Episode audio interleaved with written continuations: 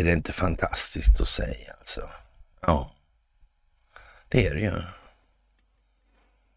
Det är så speciellt. Allting just nu faktiskt. Ja, och inne var inne liksom.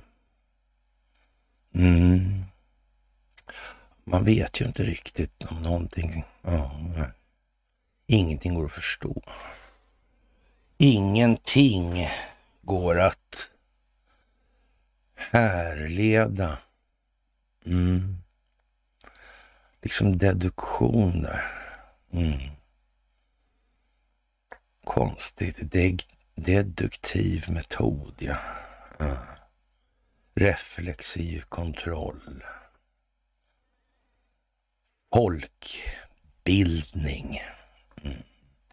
Optik. Ja, det är väldigt många nu som börjar förstå vad det här är för någonting. Det är ett folkbildningsprojekt faktiskt. Det är ju helt otroligt. Jag höll på att säga vilken tid det har tagit, men ändå alltså. Ja, den obotliga optimisten har just uttryckt sin förståelse för det. Ja, så är det ju också. Fantastiskt. Vet ni vad? Det är fredag. Mm. Det är fredag. Det är fredagen den 8 december 2023. Mm. Vi är inne i ja, brytpunkt. En vattendelare. Flödesriktningsförändring. Mm. Fredagar är fantastiska och på fredagar har vi alltid ett fredagsmys. Ja, det är nog helt makalöst vilken tid vi lever i, hur saker går ihop, visar sig innehålla samma grundläggande syften som ska exponeras, som ska visa för människor att det här var väl inte så bra. Inte så lyckat kanske. Ja, ni ska ha det största av tack för allt ni gör. För att ni utgör den förändring som vi vill se i vår omvärld och ni ska ha det största av tack för. Går på Swish och Patreon och för att ni fördjupar er på karlnorberg.se och att ni hakar på Telegramtjänsten. Ja, optiken ja. Bilden. Mm. Dagens Industri, rådet eh, efter politikerfiaskon låter inte förföras av namnen. Tidigare tunga ministrar sitter i styrelsen för flera av de mest uppmärksammade börshaverierna på senare tid med Fastator, Viaplay och Oscar Properties som skräckexempel. Flera bedömare ifrågasätter nu ex-politikernas värde i styrelser. Mm. En annan observation är att de mäktigaste maktsfärerna för börsen som styrs av familjerna Wallenberg och Lundberg undviker politiker i styrelser. Vad kan det bero på? Hur kan det komma sig? Ja, kanske inte de maktsfärerna behöver dörröppnare. Så. Det kan ju vara så. Och sen behöver man ju som sagt ha folk i styrelsen som håller koll på bolagen sådär så inte de får för sig att göra en massa saker som inte ja, spelar i samma takt som resten av företagsamheten. Det är, inte, det är ju lite olyckligt om det skulle bli så. Kan någon ha tänkt på det tror ni? Jag är inte säker, men jag misstänker att det kan vara på det ena eller andra viset faktiskt. Och att det kommer upp som det gör nu. Slump eller inte alltså. Tur är ju när omständigheter kommer till förberedelse. Man kanske har planerat det här noga, det här folkbildningsprojektet. Mm. Ja. Alex Jones, han hade visst aningen om 9-11 där på något vis. Han kanske gissade bara. Redan Susanne Osten tycks ha haft vissa aningar om kommande event. Ja. Men det var väl ändå inte riktigt läge då kanske att avslöja. Det kanske inte var det. Det kanske var ett långsiktigt folkbildningsprojekt som gick, ja, ända bak, ja, till 2008 i alla fall. Det var vi ju säkra på. Så måste det ha planlagts en stund innan där. Så, ja, och Alex Jonsson sagt, det var ju tidigt där ja. ja. Det var konstigt det verkar vara det där. Mm. Ja, nu vet jag inte om det stämmer det där med Alex Jonsson, men det där med Susanne Osten vet jag det stämmer i alla fall. Mm. Konstigt. Ja, någon kanske har tänkt till. Hur länge har förresten en sån här, eller hur har den här AI, hur länge har de funnits? Kan man ha haft hjälp av dem i de här sammanhangen tror Det kan man kanske ha haft faktiskt. Och eh, varför är det så viktigt med den här optiken om vi minns filmen Matrix liksom och det här med, när, ja, de sitter i sådana fåtöljer som jag brukar sitta ibland mellan varven. Mm. Ja, man måste alltså förstå att de flesta människor är faktiskt inte redo att få hela sanningen om verkligheten, eller rättare sagt en sanning om verkligheten som är större än vad de kan smälta rent intellektuellt. Då blir det bara kognitiv dissonans alltså. Ja, och, och, många är ju så inbäddade i det här systemet liksom och de är, upplever att de är hopplöst beroende på det, så de kan inte göra någonting. Alltså. Och de, därför kommer de även att och liksom, ja, de kommer kriga för att försvara systemet. Mm. Så det finns egentligen inte ens ur det perspektivet något annat alternativ än att gå den här vägen så att individen utvecklas så att samhället kan utvecklas. Det är därför det måste bli ett folkbildningsprojekt. Det finns liksom ingen annan möjlig väg framåt. Det kanske man ska tänka på också. Det behöver inte vara så dåligt precis. Nej. Och det är enda garantin mot att det här inte bara uppstår på en gång. Nej. Mm. Ja, man vet ju inte. Och det här med orden. Ja. Namnen kanske? Kan det vara något? Kan det vara något? Ja, jag vet inte. Mm. Long Beach, ja. Mm. Kalifornien. Mm. Hände det någonting i Kalifornien? Mm. Det var något åtal har jag för mig. Jag tror vi kommer tillbaka till det också. Mm.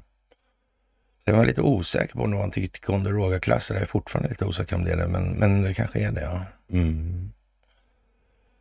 ja, faktiskt. Det är speciellt alltså. Mm.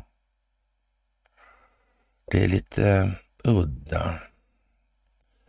Men eh, Ticonderogan är ju inte atomdriven om det. Mm. Ja, Sverige, Sverige. Fosterland. Svea. Kristina. Mm. Det är mycket nu alltså. Ja, och, och Svenska Dagbladet tar ju ja, tar upp idag att Taylor Swift är ett politiskt hot alltså, en Andreas Hörmark. Och, och ja, och det här är i anledning av att Taylor Swift har utsetts till årets person. Och, och, och, det är inte en dag för tidigt alltså. Nej. Kulturjournalister har förvisso en helt annan favoritartist, men som maktfaktor är Swift tveklöst mest intressant, skriver han då i Svenska Dagbladet. Ja, jag vet inte. Det är ju speciellt det där får man säga. Till saken hör väl kanske att eh, Alex Soros och Open Society har lagt 50 miljoner dollar på ett projekt för att engagera kvinnor och unga politiskt. Jag vet inte, kan det vara något liksom med det? Ja, det kan det kanske vara, ja. Måste skriver man så ändå då, eller? Hur, hur är det tänkt här egentligen? Mm, faktiskt. Och man anser då att Republikanerna ser Taylor Swift som ett politiskt hot, hot alltså då, eller det gör den här journalisten i alla fall då. Mm. Och, och ah, Mandela-effekten tänkte journalisten roat när han såg Taylor Swift som årets person enligt Time Magazine. För visst känns det som hon varit det tidigare, mm, kanske till och med flera gånger. Ja, sen 2016 har hon varit, om inte den bäst betalda, så i vart fall, eller i alla fall en av de bäst betalda kvinnliga artisterna. Tre år i rad har hon nu varit etta. Hon är årets mest spelade artist globalt och en av de senaste tio årens mest spelade. Allt tyder på att hennes era, The Eras Tour, vilket konstigt namn. Va? Ja, era, era i pluralis alltså. En turné, ja.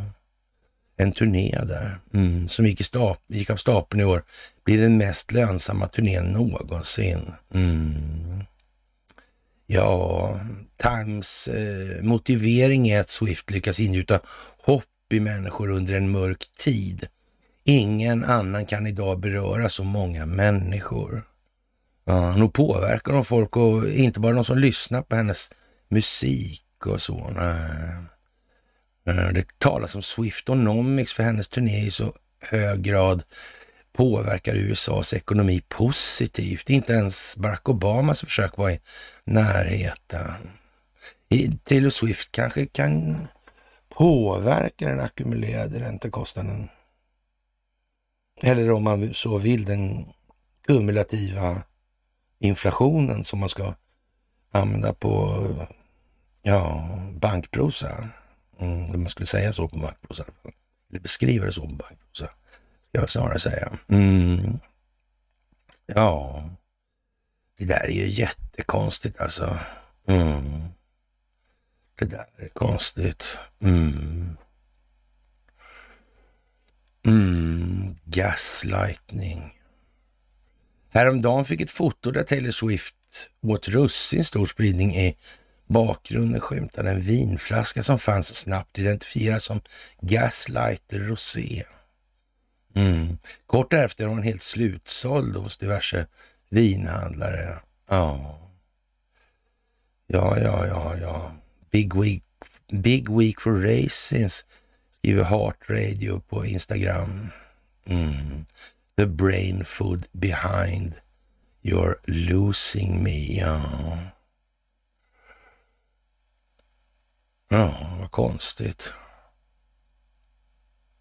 Menar de någonting med det här eller är det bara liksom löst ja, författaren i största allmänhet? Ingen har tänkt till. Hur kan det vara? Det vet ju inte jag, men eh, man skulle kunna misstänka i alla fall att det här har någon faktiskt planerat lite grann. Jag tror det. Faktiskt. Och hon har alltså även blivit en allt mer inflytelserik politisk kraft. Och fram till 18 då ville hon, eh, den då 29-åriga artisten, inte tar ställning i politiska frågor av rädsla för att skapa splittring bland sina åhörare.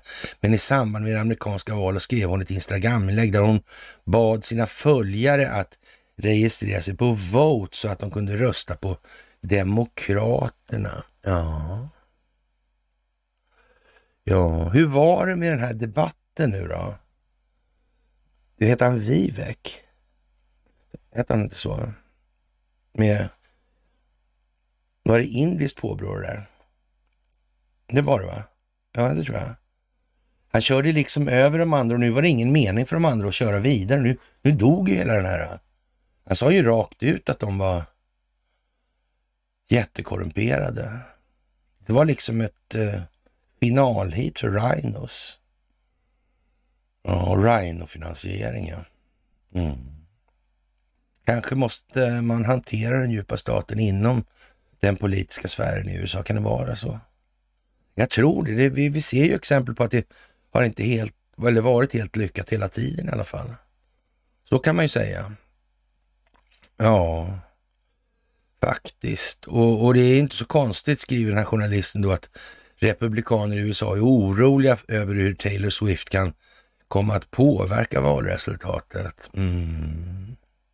Och nog är det i sig obehagligt med en icke folkvald president med den sortens makt. Låt oss hoppas att hon följer devisen sagd av tänkaren Uncle Ben i Spiderman-filmen från 2001.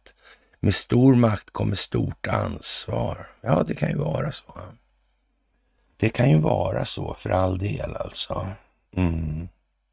Tänk om situationen spetsar till sig, tajtar till sig. Tänk om det blir konstigt. Hon kanske inte vill ha krig. Tänk om hon inte vill ha krig. Och underlivsporslinets liga är tvungna att dra det till krig. Inom parentes ska vi lägga till att det kommer de inte att lyckas med på det sättet. Alltså. Men, men det måste spelas så. Ja. Ändå alltså. Mm. För man kan väl misstänka att folk som lyssnar på Taylor Swift kanske inte ja, lägger större delen av sin vakna tid på geopolitisk analys alltså. Nej, men så kan det ju vara. Det kan ju vara så. Vad tror ni? Jag tror så. Mm, av någon anledning vill jag påstå också.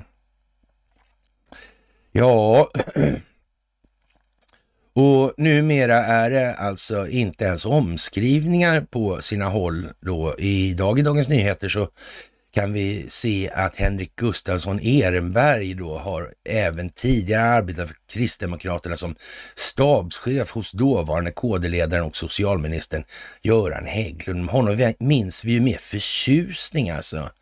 Uh, eller som jag då ut, ja, jag kan väl säga så här, det, var, det är väl ett av de mera skamlösa eller en av de mera skamlösa intervjuerna jag har gjort någon gång. Och, och jag har då i Al på Almedalen då, då hade de inte fortfarande inte riktigt koll på vem jag var och sådär. Så att det här är ju tio år sedan alltså sådär ungefär. Mm. Mm. Konstigt. Han visste ju i alla fall, han, ja, det fanns ju inte det där med att bankerna skapade pengar genom att skapa lån. Det var, han hade ingen aning om helt enkelt. Men frågan är om man var fullt sanningsenlig i det läget. Det vet vi ju inte, men vi kan bedöma det här kanske då. Eh, ja, Henrik Gustafsson fick dock lämna sin post i början av 2012 hos KD-ledaren efter att det avslöjats att han skrivit nedsättande omdömen på nät om partikollegor under pseudonymen Ove-Tove. Som Hägglunds närmaste man var han KDs högsta tjänsteman på inget mindre än regeringskansliet. Bara en sån sak va? Den där brigaden liksom. Mm, byråkratbrigaden. Ja. Gustafsson Ehrenberg fick sedan jobb som samhällspolitisk chef på Sveriges största fackförbund, Unionen, där han skap där, han, eh, ska, där skapade han på hösten 19 en falsk faktura och fick fackförbundet att betala ut 1,9 miljoner till honom. Han sa upp sig innan brottet uppdagades men dömdes i oktober 20 för grovt bedrägeri till villkorlig dom med samhällstjänst. Han har sedan dess betalat tillbaka pengarna. Mm. Ja, och nu har han alltså hittat tillbaka till politiken och utnämnts till utvecklings och policyansvarig på Kristdemokraterna. Det ser ut som en saga. Kanske det är regisserat rent utav. Men det vet man ju inte. Det, det ser så dumt ut i alla fall. Henrik har sonat sitt brott och uttryckt stor ånger alltså. Han har därefter arbetat med goda vitsord på en annan arbetsplats och, och vår bedömning är att han eh, har mycket att bidra med på kansliet, skriver Kristdemokraternas personalchef Robert Lisborg till Dagens Nyheter.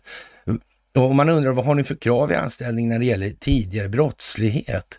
Ja, vi utför bakgrundskontroller vid all rekrytering där en rad faktorer vägs in när någon anställs, skriver Lisborg. Och, och här kan man väl lägga till, det skapar ju ändå ett visst prejudikat för det politiska rummet alltså. Mm. Då kan man ju säga att det finns ju inte så stora hinder egentligen alltså. Nej, nej. nej. Har man vitsord och har avtjänat sitt straff, då är det ju så. Och, och, det må ju väga sin riktighet kanske, det får man ju tycka vad man vill Men det speglar ändå lite det här med att, att tänka sig att den politiska adeln ja, bryr sig särskilt mycket om vandel och handel. Nej, nej. Vi vet ju inte, de 1,9 miljonerna kan ju lika bra ha delats på flera parter. Mm. Det kan ju vara så. Hur var det där egentligen? Eh, konstigt. Han, han ja, fackförbundet där. Hösten 19. Konstigt. Mm. Ja. Han skulle ju kunna ha varit en rätt så lättfångad fisk. Mm, faktiskt alltså. Mm. Grovt bedrägeri till villkorligt, ja, med samhällstjänst. Mm, och betala tillbaka pengarna.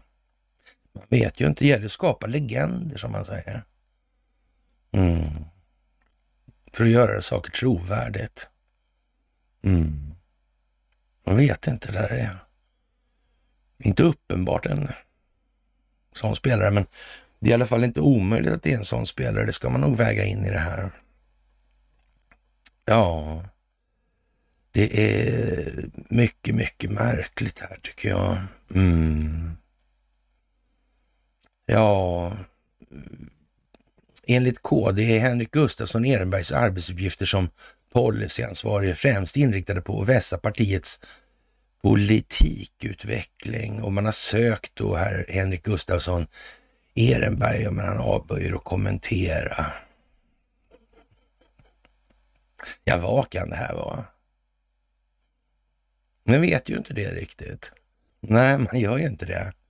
Konstigt alltså. Ja, och, och kommentatorsfälten eh, ser ju lite annorlunda ut nu än vad de gjorde 2008 kan jag meddela. Ja, men då fanns ju inte, då fanns ju inte plattformarna på det sättet, så man fick diskutera på bloggsidor istället, Ian Wachtmeisters blogg till exempel då. Mm. Jag vet, jag anförde då 2008, där efter, mitt under finanskrisen, när att, eller innan finanskrisen tror jag det var till och med. Mm. Eller om det var efter, det spelar roll. Så därför jag hade sagt att den skulle komma i alla fall. Så det. Men, men eh, ändå. Mm. Jag sa att den djupa staten, eller rättare sagt, eh, på den tiden kunde man inte säga djupa staten, det var helt kört liksom. Ja, man fick säga då liksom eliten eller ibland man fick ta med Rothschild också. Så det gick inte annars liksom. Det var världens bråk. Ja, man får ta det med lämpor helt enkelt. I lagom delar som man säger. Mm. Hade man sagt telekominfrastruktur på det viset, då hade det, ja då slog det stopp alltså. Ja. Och Göran, ja. Hägglund. Kan man ju undra vad det där var för krumelur. Ja. Mm, ja, rak var han inte. Uppenbarligen inte. Mm. Filmen är i alla fall det jag ska säga om det där var ju att jag höll ju masken ganska dåligt när han bad mig förklara. Då får jag förklara hur det där fungerar. Ja, och då, då, då, ja, kunde, då syntes det ett elakt hånflin i mungipan på mig. Kan inte låta bli, kunde inte låta bli det helt enkelt. Ja. ja det är ju fantastiskt hur det har blivit och många av de här som jag har eh, tyckt var lite sådär halv rassliga då moraliskt och en av dem är ju eh, Carolina Neuding, Svenska Dagbladet som jag, eh, inte som Anna Laurén alltså, inte så illa men eller Anna-Lena Laurén. Men bra nära i alla fall. Men, men jag vet inte faktiskt. Jag, jag är osäker. Laurén börjar ju till och med... Hon har ju under hela sin karriär varit borta därifrån Sverige av någon underlig anledning alltså. Mm. Ja, det där är märkligt. Mm. Hur mycket kan de göra med de här AI-grejerna egentligen, tro? Hur länge har de kunnat det? Ja. Kan man få AI att skriva ett manus. Kanske hjälpa till att skriva ett manus. Det borde man ju kunna göra. Faktiskt. Och om man vill ha en viss opinionsbildande reflexiva kontroll, eller reflexiv kontrolleffekt så då borde det kunna vara, för den har ju betydligt lättare att mäta utfall på ett mycket större underlag av data. Alltså. Mm. Ja, det borde ju lärt sig det där kanske. Det verkar ju som att de har pysslat med den typen av övningar i andra sammanhang. Skulle man kunna tänka sig att man har gjort det även i, ja, så att säga inte fullt lika uppenbara sammanhang då? Kan det vara så? Mm. Ja, det skulle kunna vara så i alla fall. Men allt det här bygger på några antaganden som är liksom så här, som till exempel om Donald Trump existerar, om det pågår någon motverkan mot den djupa staten genom att exponera dess förehavanden och skapa en större allmän medveten medvetenhet om tingens ordning och utvecklingens gång över loppet av tid. Liksom. Ja, det är det, och det, är ju det här med strategi egentligen. Vad är det för någonting? Det är liksom konsekvensanalysen över tid och rum och de parallella grejerna då som händer. Mm. Så korstabulerar man. Det är ju konstigt det här. Alltså. Måste inte en dator kunna hålla reda på det där? Jo, det måste den faktiskt. Ja. Jaha, men Ojding i alla fall är i farten idag då och, och, det handlar om Greta Thunberg och mm, ja, jag vet inte vad man ska säga. Vi har mycket att lära. av Fenomenet Greta skriver eh, Neuding i alla fall. Och ja, det är ju väldigt konstigt alltså. Och, eh, hon är ju annars mera känd, mest känd för det här med att hålla på och tjattra om antisemitism och såna här grejer. Och det, det verkar ju lite liksom eh, off nu då om man säger så. Det här med eh, ortodox religion kontra ateistisk religion då i, i ja, som statsbärande företeelse för Israel till exempel. Det, ja, man hör nästan att ateistisk religion är lite tokigt. Mm. Och, och, och, har man inget annat, så att säga, någon annan saklig grund då, eh, då är det, ska det i så fall vara någon form av mental inställning då hos människor, men då får man väl liksom definiera vad det är för någonting åtminstone. Man kan inte bara liksom, jag bestämmer att alla de här tycker så här alltså, eller vem är det som bestämmer det egentligen? De kallar sig för, ja, kausaler. Ja. ja. det där är konstigt, det måste man fundera lite på. Många behöver i varje fall fundera mer på det. Och där har vi vår uppgift alltså. Och det är det vi håller på med och det är det som faktiskt går väldigt, väldigt bra. Så är det också. Ja. Och varför sparar man Israel till sist av den djupa statens marionettländer tro? Vad sa, vad sa han då, Benjamin Netanyahu? Det är alltid styrt av den djupa staten. Men om kärnan i den djupa staten är någon annanstans. Om det moderna kriget till kanske jätteövervägande del styrs av informationshantering. Det händer inte mycket ja, ekonomi heller utan informationshantering. Och för övrigt så kommunicerar inte reguljära enheter särskilt bra utan informationshantering heller. Nej. Så den finns ju som deltagande komponent i alla tre delarna där. Mm. Ja, att det finns inom, inom informationshanteringen, det hör man nästan på ordet. Mm. Det är ju samma ord ju. Mm. Woke-rörelsen må misstro det goda samtalet. Vi andra bör slå vakt om offentlig debatt där argument går före pseudoreligiöst tänkande. Ja, det kan man ju säga. Och om vi pratar om den här ateistiska religionen, det skulle man kunna nästan kalla för pseudoreligiöst tänkande, eller? Det tror jag är väl en bra sådär, ja.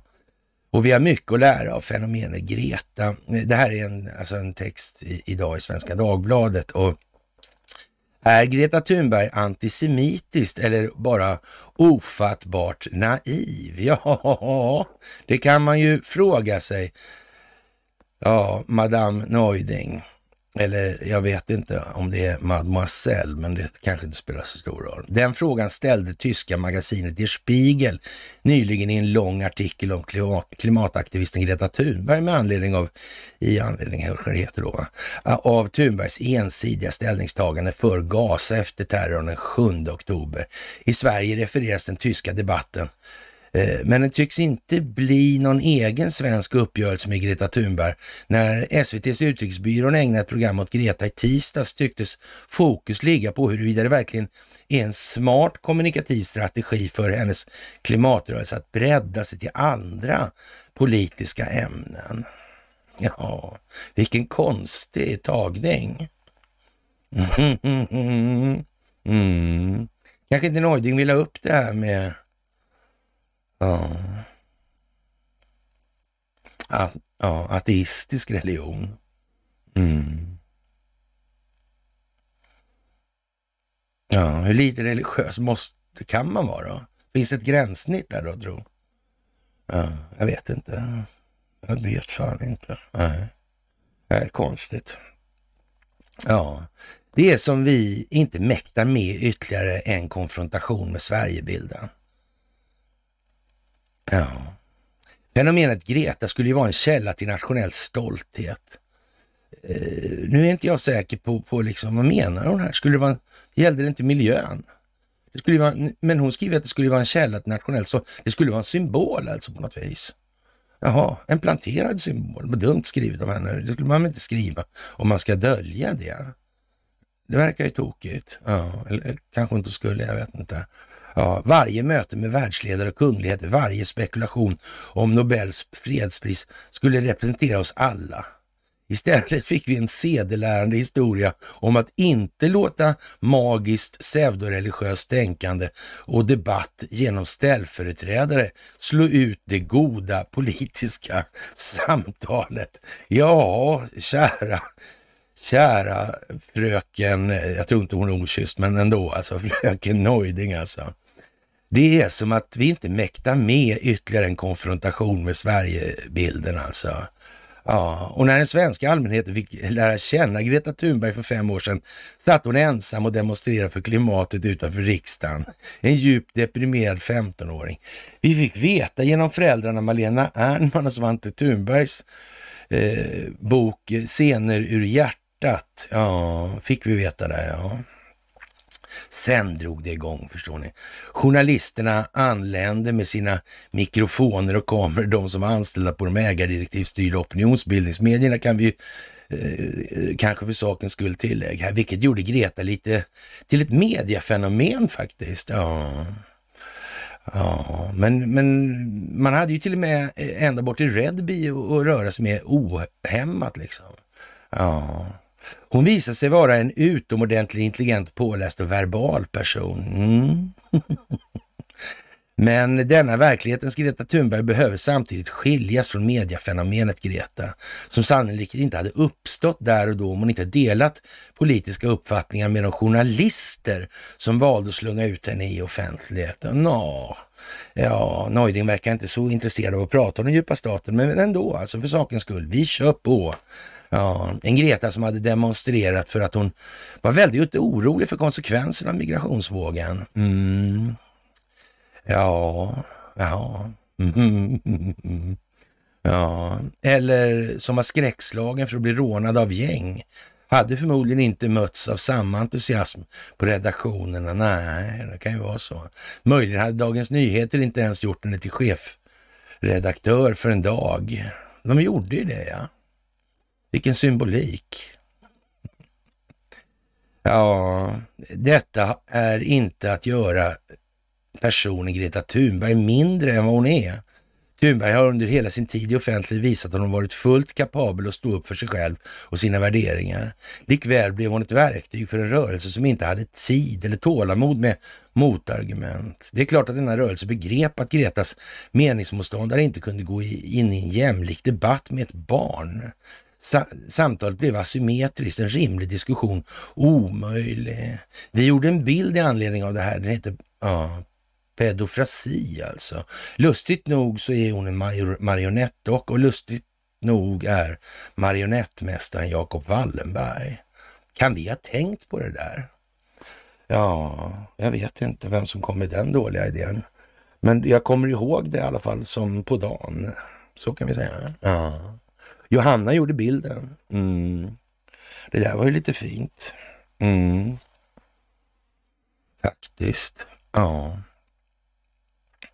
Ja, sen tillkom det magiska tänkandet. Jaha, kungörelse Jesus från Nasaret har nu utsett en efterträdare, nämligen Greta Thunberg, twittrade kyrkan i Limhamn. I Masthuggskyrkan i Göteborg ställdes en bild ut av Greta Thunberg som helgon. Sankta Greta skrev jag elakt. Ja, Greta är inte Jesus, upprepade Maria Ludvigsson tålmodigt på den här sidan i Svenska Dagbladet då. I, i SVTs utrikesbyrån häromdagen gällde frågan huruvida Gretas Gloria har hamnat på sniskan. Ja, pling sa alltid farsan när man beklagade sig och tyckte synd om sig själv. Mm. Där plingar det martyrglorian minsann, ja. Mm. Vi brukar normalt inte föra politisk debatt genom att placera glorior på enskilda debattörer, men så har detta mediafenomen sett ut från första början. Ja, är det inte märkligt? Också i barnböcker idoliserades Thunberg enligt en modell som blivit gängse i barnlitteraturen en slags hagiografier över förebilder utifrån den platta världsbild som blivit så dominerande. Det får inte finnas några skuggor eller motsägelser. Allt är enkelt alltså, antingen gott eller ont. Fridays for Future framställdes i samma anda som en rörelse präglad av en särskild rättrådighet eftersom den bottnade i ett barnahjärtas oskuldsfulla önskan om en ljusare framtid. Det finns inga beräknande ungar, att, att man inte tog femåringar på en gång alltså. Mm. Greta reste till och med eh, på ett särskilt obefläckat vis. Det spelade, seglade alltså. Ja, det spelade ingen roll hur klimatavtrycket såg ut när man ja, förde samman den besättning som gjorde det möjligt för den att färdas över havet. Eh, det var Greta som inte fick besudlas av koldioxidutsläpp och den samlande världseliten tog emot hennes utbrott, hennes How dare you, som ja, kultmedlemmar som tar över sig utfall som ett tecken på att de verkligen är under inverkan av högre makter. Och nu, hur ser det ut egentligen? Ja, nu vet vi att Thunberg valde Stand with Gaza dagar efter att kroppen av efter en våldtagen och mördad tjej i hennes egen generation. Ja, Greta hade paraderats ja, som en trofé genom Gaza för att bespottas och skändas ytterligare. Mm. Ja. Der Spiegel observerar, faktum är att sedan den våldsorgie som Hamas eh, utsatte Israel för den 7 oktober har Eh, Thunberg då, aldrig på eget eh, initiativ uttryckt sympati med de judar som mördades och utsattes för övergrepp av Hamas. Hon har bara sagt något om offren när de pressats att göra och även i sådana fall har hon varit undvikande. Hennes debattartikel i The Guardian den 50 är en fortsatt relativisering av jihadistisk terror. Mm, jag vet inte, kanske, kanske är det som så att Ja. Katten på råttan, råttan på repet och repet på slaktaren. Mm. Marionettmästaren kanske hade trådar i sig han också. Han kanske var stacklad. Redan då. Ja, hur många andra sätt kan det vara på egentligen? Ja, tänk när de ställer upp då Ernman och Thunberg och PK-eliten hade de på tröjorna ett dag och sen, sen var de AFS, ja, det var i anslutning till att USA terroristklassade Ja, det är ju konstigt. Mm, märkligt. Och vi se vad Mattias Våg säger vad det lider. Ja. Häromveckan sågs som en demonstration i Stockholm Stockholm där det skanderades krossa sionismen. Det är ett slagord som berättar att man inte tror på en tvåstadslösning. Krossa sionismen innebär utplåning av den judiska staten. Eh, detta är milt sagt inte ett fredsbudskap. Nej, det beror ju på hur man ser på det där. Alltså, eh, det är ju inte, hon är väl inte mindre eller mer, varken mer eller mindre entusiastisk än de ortodoxa judarna som jag förstått saken. Det kan ju vara så också. Ja. Neuding skulle ha skrivit den här artikeln på, så att säga, helt eget bevåg. Det får vi nog nästan se som osannolikt alltså.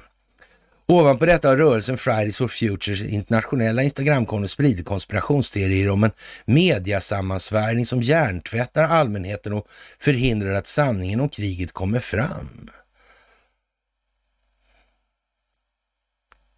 Mm.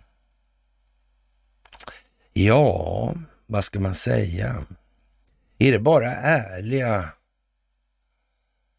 eller ärlig information som förmedlas från Gazaremsan och den här konflikten? Eller är det någon som har... Det är det va? Vad konstigt. Mm. Här finns föreställningar om helighet. Idén om högre makter talar genom vissa särskilt obefläckade själar, Messias-myterna. Mm. Detta borde lära oss ett antal saker. Woke-rörelsen må misstro det goda samtalet. Vi andra bör framhärda i att den bästa förutsättningen för en klok och genomtänkt politik, inte minst i en så avgörande fråga som hotet från klimatförändringarna. ja, är ett offentligt samtal där argument bryts mot varandra och där argument går före identitet. Det är rätt. Mm. Sedan säger de senaste fem åren en hel del om människans starka religiösa impulser och längtan efter att få svepas med i en massrörelse bortom det rationella. Ja, jag vet inte om eh, man kan kalla ateistisk, ateistisk religion för rationalitet, liksom, eller rationellt. Eller rationell, jag vet inte det. Men jag misstänker hur resonemanget eh, fortlöper i alla fall. Här finns föreställningar om helighet, idén om högre makter som talar genom vissa särskilt obefläckade själar, messiasmyterna. Vi tror att vår tid står över sådant, men världen har sett detta otaliga gånger förut. Historien om fenomenet Greta är egentligen banal. Ja, vad ska vi säga? Mm. Jag var tvungen att skriva sånt här. Det kan inte vara sådär äh, jättehundra. Nej, det, det tror jag inte. Mm. Ja, och eh, lite speciellt alltså. Och ja, tänk att hon var så emot etablissemanget och hamnade ändå i alla tidningar och så vidare. Och den mediala täckningen berodde alltså på att journalisterna Mm. Pax. Ja. Ja, sådär då. Och ja, som alla märker nu så är det ju liksom, eh, det är ett annat läge nu, mm, den vattendelaren alltså. det, nu strömmar det starkt åt något annat håll alltså. Och den djupa staten har panik alltså. Och i USA har ju de här, ja, numera exponerade korrupta republikanerna, de har samma jävla panik som demokraterna alltså. Och det är ju lite bra sådär. Och nu går alltså allt fokus mot Obama, precis som vi sa angående Greta här då. Mm. Konstigt alltså. Mm. Och det kommer att exponeras alltså allt som går att lagföra. Så är det också. Och eh, vad Donald Trump gör i det här, det är ju att följa då amerikansk lagstiftning. Ja, och framförallt hålla det till konstitutionen. Mm. Det blir inte så mycket Roe versus Wade där. Nej, det blir det inte. Nej. Det är ju speciellt och ja, nu är det ju färdighaft där. Det är inga som betalar för några nya pretendenter på den republikanska Mm. Nej, sidorna. Det kommer inte att hända. Ja, och, och det är klart att Nikki Haley alltså. Mm. Det är ju som sagt. Så det är ju vad det är ändå. Mm. Om båda Nikki Haley och uh, Ron DeSantis är spelare. Mm. Ja. Mm. Då är det väl som det är nu då. Ja. Och det är klart att då är det väl... Eh, ja, Ron DeSantis var bara till för att öppna allmänhetens och republikanernas ögon i de här sammanhangen. Alltså. Ja. Det är ju lite käckt sådär alltså. Och Donald Trumps opinionssiffror går upp. Vi har ju sagt lite grann om att de här valen skulle komma att, amerikanska valen skulle komma att slå in i Sverige. Jag tror det kan bli så nu. Jag tror faktiskt det. Mm. Det är, ja, och mycket av det här som görs då från den djupa statens sida, det skapar ju så att säga en prejudicerande verkan hela tiden.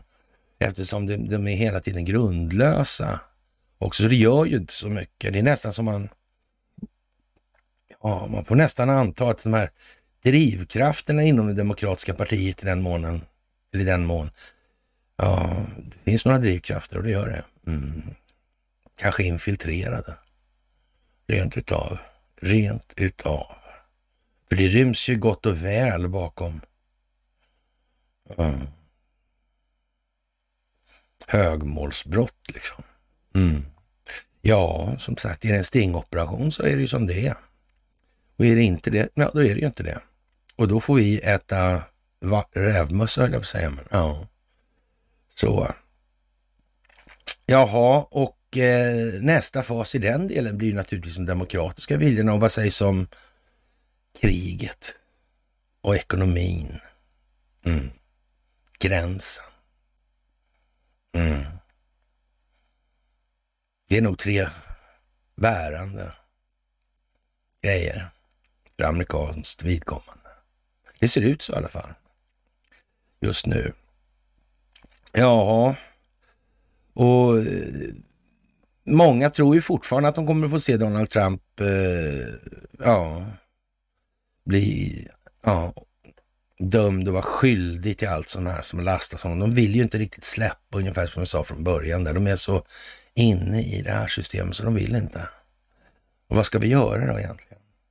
Vi måste väl så långt vi kan, så långt det är möjligt, försöka förklara genom att visa en optik som beskriver vad som utgör verkligheten. Det är väl det vi måste göra då.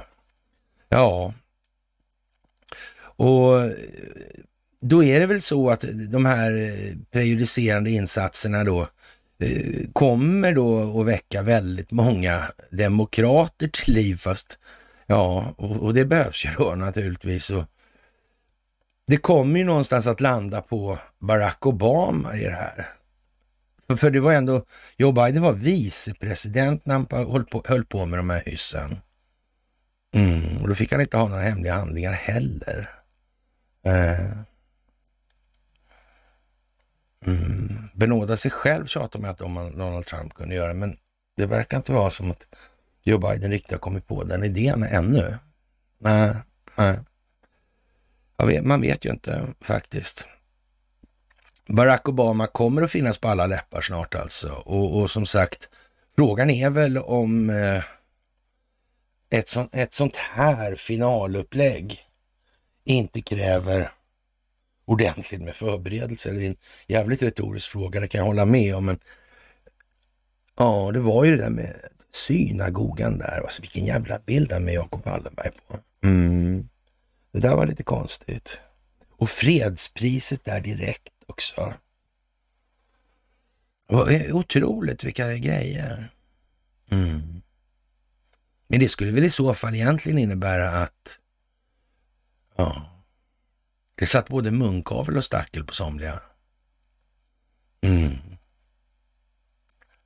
Och, och, i så fall så måste man nog nästan eh, sluta sig till att då har det här planerats väldigt noga och det har även gått ut på att visa hur situationen i Sverige har varit. Vad var det första vi läste upp? Det var någonting om styrelse. Var inte det en ganska talande optik i det sammanhanget? Jo, men det måste det ju kunna sägas vara. Faktiskt, vad konstigt att det kom just nu. Det var så konstigt att jag delade det just. Men det kan ju vara så. Faktiskt, ja. Man vet ju inte. Det kanske kommer fler saker idag om det här. Ja, och, och det är klart att man kan inte liksom begära att allmänheten ska veta vilka alla de här personerna är som har agerat eh, med sikte på att åstadkomma olika politiska effekter och sådär. Då måste man göra en sån här äh, pausteater eller vad man ska kalla det för då.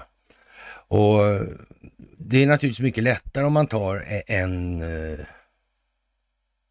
symbolfigur. Men där kom ju det där med Greta. Just det ja. Då kommer det där ja. ja. Pseudoreligiöst. Barack Obama. Change. Mm. Ja, förändring ja. Men visst vart det det. På några sätt. Mm. Och det var ju det här med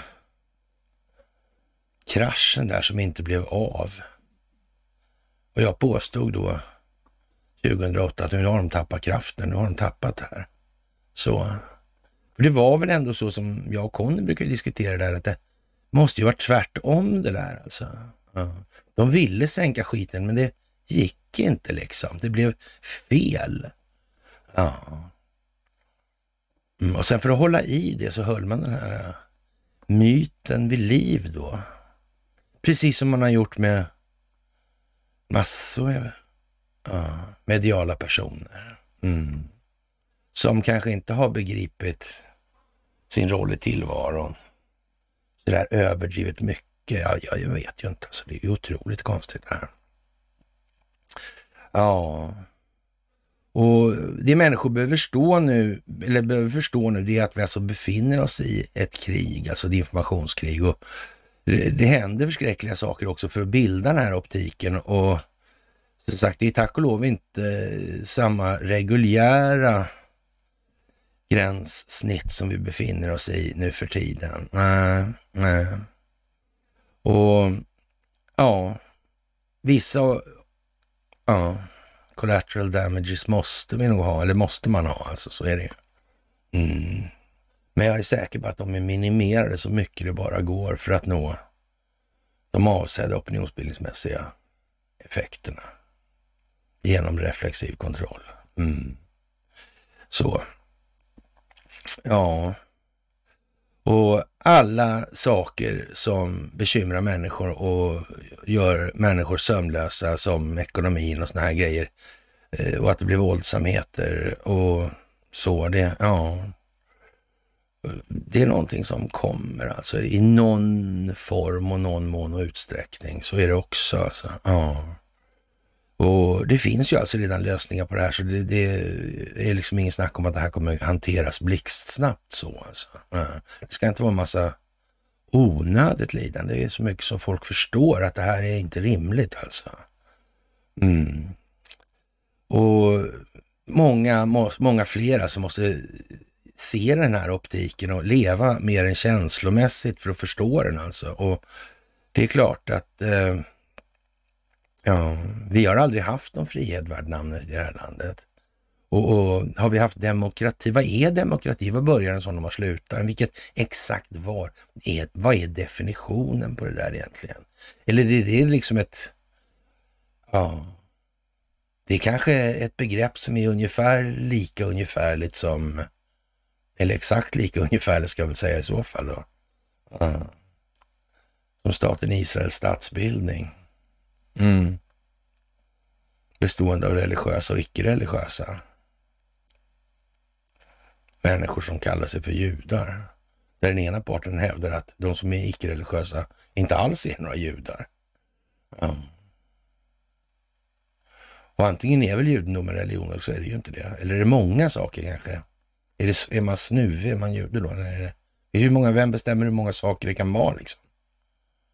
Man kan inte, ja, vad heter han, Shlomo Sand, ja just det. The invention of the Jewish people, ja, den var inte så populär, nej. Nej, det tror någon. Han var ju professor på Tel Avivs universitet. Ja, sådär ja. Och eh, ja, en enorm lärdom är det i alla fall för mänskligheten i det här och det kommer hålla över generationer.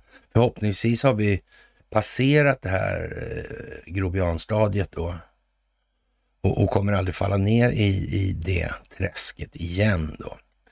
Och, och i, i, amerikansk media så säger man att det kommer ta några hundra år, men sen är det nog dags igen. Ja, ja. Men det kanske inte behöver vara så alltså. Nej. Det är nog meningen att vi ska ta ett steg nu. Vi kanske ska gå från att vara filosofiskt materialistiskt orienterad till att bli intellektuellt själsligt orienterad. Eller själsligt ska man inte säga kanske, utan intellektuellt emotionellt orienterad. Vi måste förstå våra egna känslogrunder och värderingar rätt mycket bättre alltså förstå konsekvenserna av vår egen värderingsgrund alltså. Om vi nu skulle hypotetiskt sett få dra den till sin yttersta spets, vad skulle det innebära egentligen? Mm. Det måste man ha en viss förståelse för. Det är inte okej okay att vara fem år nu. Nej. Och det här med att eh, Joe Biden en, har en genomrutten familj och så vidare, en, och som är jättekriminell och så vidare. Ja, men det är lite som med Barack Obama alltså. Som tog Joe Biden till vicepresident. Som var med och upprättade här parallell, de här parallella serversystemen. Som körde utanför. Som höll på med Hillary Clinton, där Benghazi-gate, den här filmen. Steel Team 6 va? Ja. Ja, konstigt. Väldigt konstigt faktiskt. Ja. Och ja, det är stora problem för medierna då. Våra, vi har inte så mycket medier så de har inte så stora problem ska man kunna säga. För det, vi har dem vi har för att de ska också användas till det de måste användas till nu. För vi har inga andra i någon stor utsträckning. Nej, äh, faktiskt. Det är Washington Post där alltså. Är inte det han Jeff Bezos? Det är det va? Det är han Amazon. Servrarna i Eskilstuna, Katrineholm-trakterna där någonstans va? Varför med? Ja. AVS ja. Ericsson.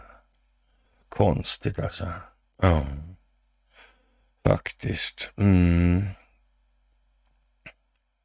Ja, och Joe Biden, han kan väl alltid benåda Hunter för alla de här förehavandena då? Mm. Och framförallt de som är kopplade till honom själv. Så då har han ju inte gjort något olagligt eller brottsligt. Nej. Vore inte det lite snyggt? Ja, vi får se hur det här spelar ut sig, men det är ju så sagt det är många olika perspektiv som är inblandade i det här faktiskt. Ja, och som sagt, eh, ja, det kommer att vankas eh, tråkigheter i alla fall för några under en period alltså. Och, och frågan är ju alltså Hunter Biden och hans dator. Ja. Mm, värsta discobilden på mig och Conny då. ja, Conny är så jävla road av disco liksom. Mm. Eller kanske är han inte det? Jag vet, jag vet inte. Jo, men det är jag nog. Jag ska fråga honom. Mm. Ja, och ja, och efter många påtryckningar har NARA då, National Archives, beslutat att de ska överföra 62 000 e-mails till kongressen som Joe Biden har skrivit med flera olika pseudonymer. Och, ja, och delstaten Texas, alltså the Lone Star State alltså så har man då stämt USAs utrikesdepartement och utrikesminister Antony Blinken och flera andra regeringsföreträdare i Vita huset, alltså för de har konspirerat för att censurera block och förstöra utgivning av amerikansk media samt misskreditera genom den federala regeringen. Alltså även eh, Elon Musk och, och Twitter då, eller X har stämt regeringen. Mm. Ja, och det är ju lite sådär eh, angenämt att konstatera. Vad som är yttermera angenämt att konstatera, det är det faktum att eh, det blir en ganska så stor harmoni i, så säga, eller konsensus i den meningen att det är allt fler börjar få hela bilden, eller i alla fall en eller bra mycket större bild av tillvaron än vad de haft tidigare. Och det blir naturligtvis mindre gnissel, alltså man är mindre benägen att rucka på det som är större än att, att försöka ta tag i kanske möjligen sina egna lite mindre frågor då. Ja, det är ju bra alltså. Och eh, det här med att sända pengar till Ukraina verkar det ju gå lite smått med alltså. Och ja, och, och, man kommer ju eskalera hoten här för att kunna tvinga ut amerikanska befolkningen i, i krig då. Mm. Men, men det verkar ju helt åt helvete korkat att göra det, för det har det inte slagit stopp för så slår det stopp då. Mm. Att antalet eh, ja, mödrar i amerikanska mellanvästern som vill offra sina söner på den falska solidaritetens altare är sådär överväldigande stort. Nej, det tror jag inte på. Det är nog ganska få faktiskt rent utav. Och jag skulle kunna säga att det är om ens någon. Ja. Ja. Och... Mm. Och Blinken alltså. Ja. Han är i Guyana. Maduro säger att eh, 75 procent av Guyana tillhör Venezuela. Han har tryckt upp kartor. Mm. Ja, undrar vem som har exploateringsrättigheterna där. Inte Nynäs Petroleum, har inte de någonting med Venezuela att göra? Det hade de va? Ja. Mm. Ja, det, det, kan ju vara så alltså. Mm. Konstigt. Ja, Conny, han har ju seglat mycket på det där då, och, och hämtat asfalt som vi hörde här. Eh, om, ja, det var några gånger sedan, eller någon gång sedan kanske bara. Ja, det är ju lite udda, får man säga. Stackars Blinken och stäm dessutom. Mm. Ja. Och, och jättemärkligt alltså. Och tre vd som representerar universiteten Harvard, MIT och Penn har blivit kallade till kongressen för att förklara varför man låter skrik och hot som döda alla judar få förekomma på universiteten. Mm. Mm. Konstigt där, Hamas. Men det startades ju av israeliska underrättelsetjänsten och israeliska underrättelsetjänsten måste nog anses ha varit kontrollerad av den djupa staten faktiskt hela tiden, om, åtminstone om man ska tro Benjamin Netanyahu. Det kan man nog göra i sådana här fall faktiskt. Han har till och med blivit mutad av ja, Kockums, höll jag på att säga. Nej, nej, men ThyssenKrupp, ja. Mm. Som var Kockums. Det var någon räder också, någon gryningsräder också. När de gick isär. Det var liksom lite nästan hurra, skjut och blås nästan. Mm. Nej. Ja, det var ingen som skulle missa det i alla fall, vad konstigt. Nej. Ja, det där är, är märkligt alltså. Universiteten, ja. Mm. Ja. De har inte precis blivit eh, folkvalda de där, nej. Faktiskt alltså. Mm. Och flera av Vita husets personal tar sin hand från Biden och ställer sig på Obamas sida. Och, och, det betyder väl kanske då att familjen Obama är på väg in i strålkastarljuset. Mm. För det där kan inte sluta väl.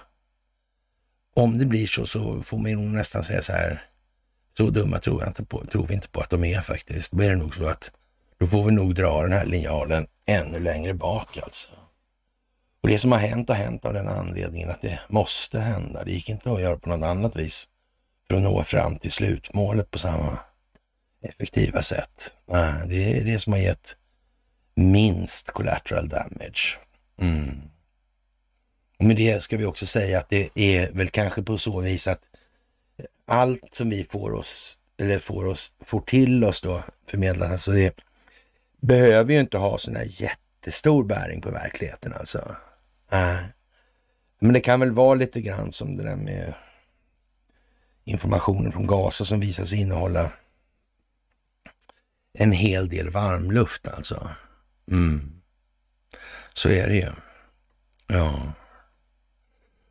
Och, och nu har tydligen Demokraterna sagt att om han slutar nu så kan vi se till att han får upp sin bild på Mount Rushmore. Och det, ja, ja, som sagt.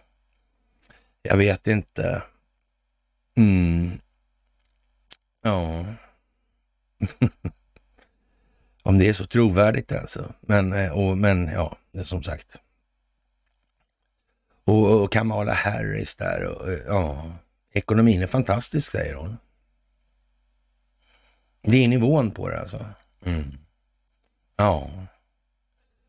Och ja, ingen tror på henne i alla fall. Nej. Taylor Swift och Soros, Alex Soros, Daniel Sachs, Malloch Brown, Dominion Smartmatic. Mm. Konstigt. Crowdstrike. Mm. Ja, man vet ju inte liksom. Och, och mm, verkligheten där ekonomin kraschar i USA och världen går mot kärnvapenkrig. Ja, vi får väl se vad, vad det blir av det här. Jättekonstigt. Jätte, jättekonstigt. Och det var 17 grader häromdagen såg jag. Gävlebocken. Ja. Konstigt. Och, och i år har Gävlebocken mött ett nytt oväntat hot mot dess existens, nämligen fåglarna, skriver eh, eh, rapporterar P4 Gävleborg. Det är nog ingen av oss som hade kunnat förutse det här, säger Anna-Karin Niman som är bockens presstalesman till radion. Ja, man, man får nästan intrycket av, liksom, hur kom det sig att man inte kunde förutse det där? Anledningen är nämligen det här att årets dåliga skörd och sommarens blöta väder. Det blöta vädret orsakade att halmen blev liggandes och därmed blev kornen kvar på halmen. Ja, det har lockat till sig fåglar som har insett att bocken är full med mat. Mm. Ja, då vet man i alla fall att den blir ju inte bränd så länge. Det kan vi väl utgå ifrån i alla fall. Mm. Folk vill inte elda upp fåglarna om det skulle vara så. Om det finns som har krypit omkring i det där liksom. Mm. Ja, det vet man ju inte. Nej. Men det går ju att betta på det där som sagt. Och det, och det säger väl å sin sida precis eh, vad det säger alltså. Ja. Så är det ju. Det går ju att betta stora belopp naturligtvis. Om man är säker på att få eld på den. Mm. Så är det ju. Och det går väl ända ner på klockslag kan jag tänka mig. Eh, och för att göra det här ännu lite mera ja, uppenbart och så är liksom är allt i ordning nu då som det alltid har varit och djupa staten bestämmer och ingen förändring kommer ske? Eller börjar någonting att vända? Börjar saker och ting att förändras? Och han det här är Svenska Dagbladet i, i, idag då och likvideringarna skickar ett budskap skriver man. Och han han hittade sin park i Moskva med skotthål i huvudet. Den 46-åriga Ilja Kyva blir den senaste i raden av ukrainska politiker lierade med Kreml som mördas alltså. Eh, likvideringarna skickar ett budskap, säger militärexperten Peter Halldén.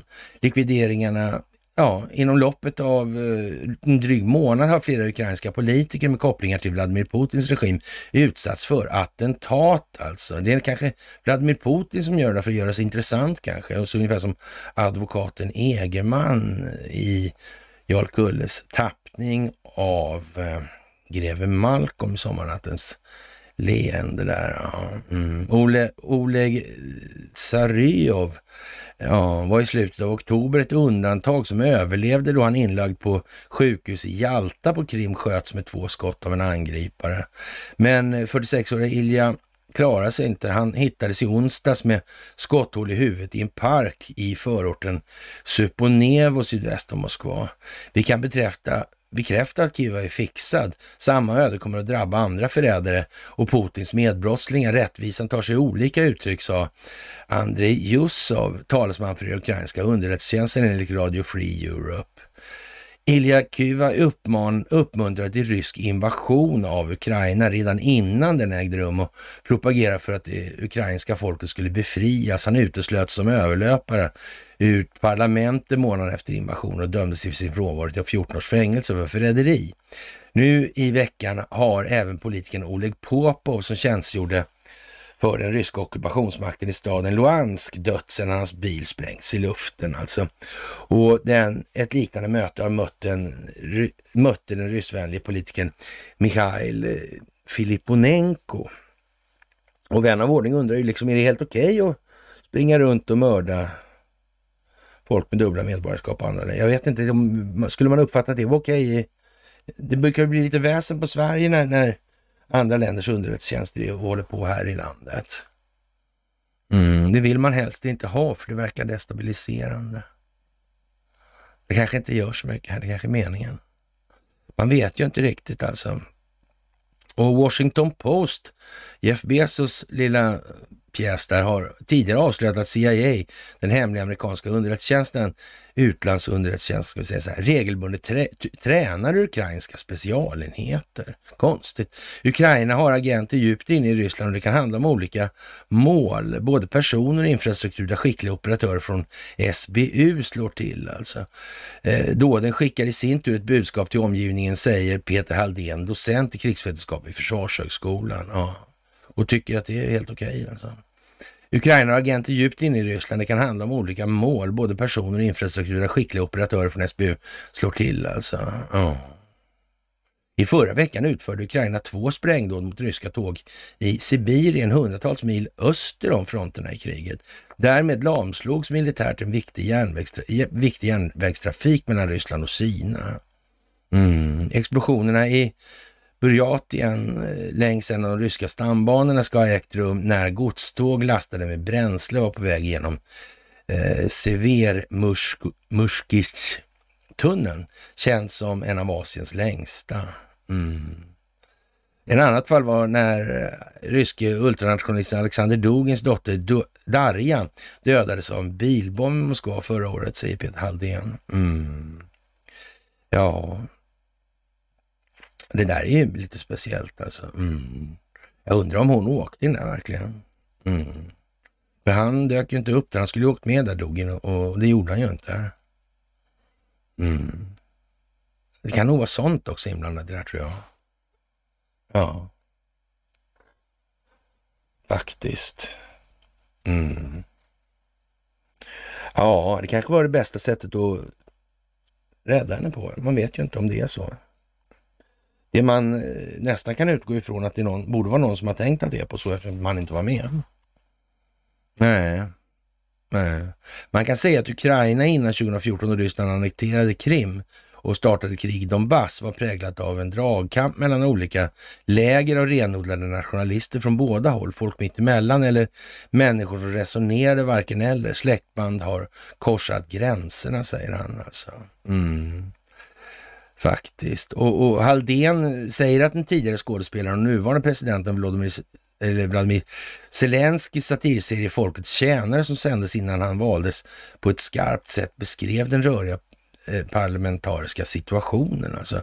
Det var som High Chaparral, ukrainare med ryska som modersmål i en verklighet som är knivig att förstå som uppvuxen i en nationalstat som Sverige. Mm. Men kan, kan man lite om eh, drottning Kristina och Axel Oxenstierna och så här, så blir det inte så komplicerat och ännu mindre komplicerat blir den här frågan med Ukraina. Mm. Det fanns tidigt under invasionen ukrainare som opportunistiskt samarbetar med ryska trupper, men kriget har förändrat attityder mer renodlat två sidor alltså. Ja, ja konstigt. Det finns partisangrupper också. Ja. Konstigt alltså. Speciellt alltså. Mm. tycker jag nog. Och, och det ser inte så bra ut för suckbuckligan alltså. Nu blir det, ja, stämningar igen alltså. Mm. Ja. Det är ju väldigt märkligt alltså. New Mexicos eh, statsåklagare stämmer Meta då. Ja, värre än... Eh, ja, det är inte klokt helt enkelt. Alltså, det är rena Pornhub-fasonen alltså. Och de prioriterar andra engagemang alltså, och annonsintäkter framför säkerhet för de mest utsatta medlemmarna i vårt samhälle, säger man. Ja. De upptäckte att Facebook och Instagram höll på med barnexploaterande innehåll i takt som till och med överträffade på överträffades på vuxenplattformen Pornhub och Onlyfans. Ja. Det verkar ju konstigt alltså. Det där verkar kunna bli dryga böter på det där. Faktiskt. Och då kan man nästan misstänka att mm, kan det bli en statsangelägenhet av det där tror jag? Det har inte varit någon sån än. Kanske Facebook kan bli sån. Mm. Ja, man vet ju inte riktigt. Man vet ju inte. Jag ska tacka för att ni, ja så att säga, även när ni tittar på Facebook-klippet så att säga. Mm. Det ger rätt mycket information hur det där rör sig. Det gör det faktiskt. Det är trevligt. Vladimir Putin, han var i Saudiarabien ja, och han var i ja, Riyadh. Mm. Ja, det är speciellt alltså. Förenade Arabemiraten. Mm, vilken stämning det verkar vara. Det är speciellt alltså. Det bryter även i Arizona. Mm. Har det med valet att göra? Ja. De här båtarna, namnen på dem. Mm. Båtnamn betyder ofta något faktiskt. Det, de tar inte bara dem i luften, så det finns en anledning. Det finns ofta en historia som kan ge vägledning eller en ja, association i förhållande till stjärnbilder eller vad det är för någonting. Alltså.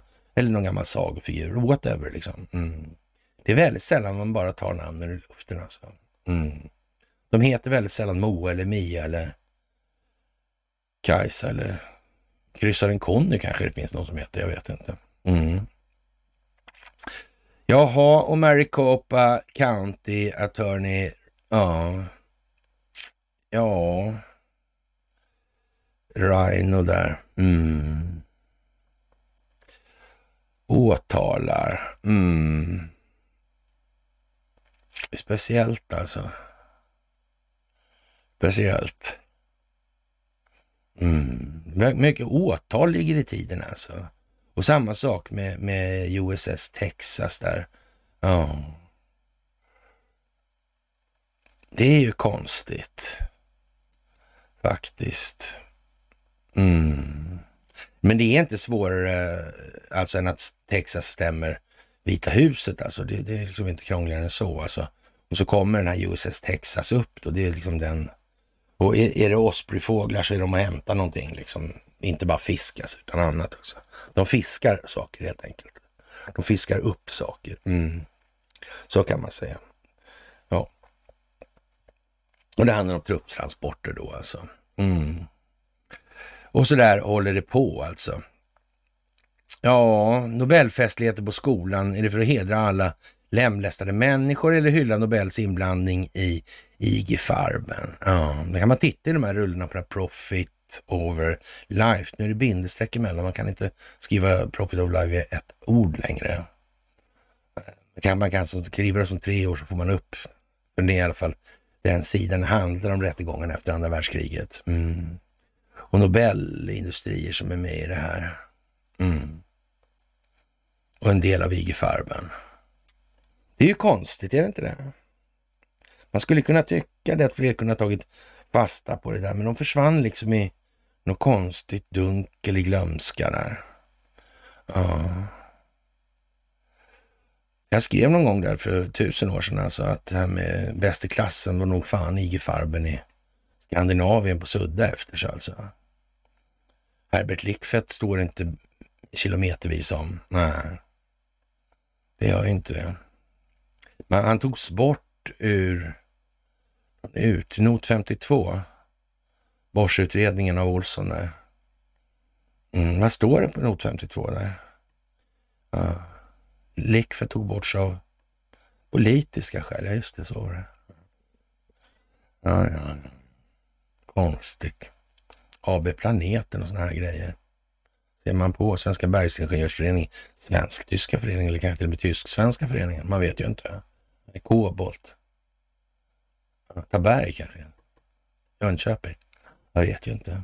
Nej, det går ju inte att veta. En bild säger i alla fall tusen ord minst alltså. Fast nu har vi en bild här med, med Bryggbörje och, och Bonnesen och, och ja, en Postnordbil helt enkelt. Mm. Konstigt, vad kan det betyda? Man kan säga så om man eh, sätter de här i sammanhang med varandra. och ja, då, då, blir, och det är ju inte så minsta svårt. Alltså banker, eh, ja, i Bonnesen då, Swedbank och ja, eh, ja, Börje liksom. Det är lite Ericsson och det är lite penningtvätt och det är lite Investor och det är lite SE-banken, Swedbank, ja, Postnord ja. Mm. Det är ju inte svårt att väva upp det här. Man kan sitta, jag kan säkert hålla en föreläsning på hur många timmar som helst bara på de där tre företeelserna för att knyta ihop dem. Mm. Det är en slump att man väljer att göra en sån bildsättning på Dagens Industri nu alltså. Mm. Man får ju in hela Globen i det där. Och då menar jag inte Globen i Stockholm. Nej.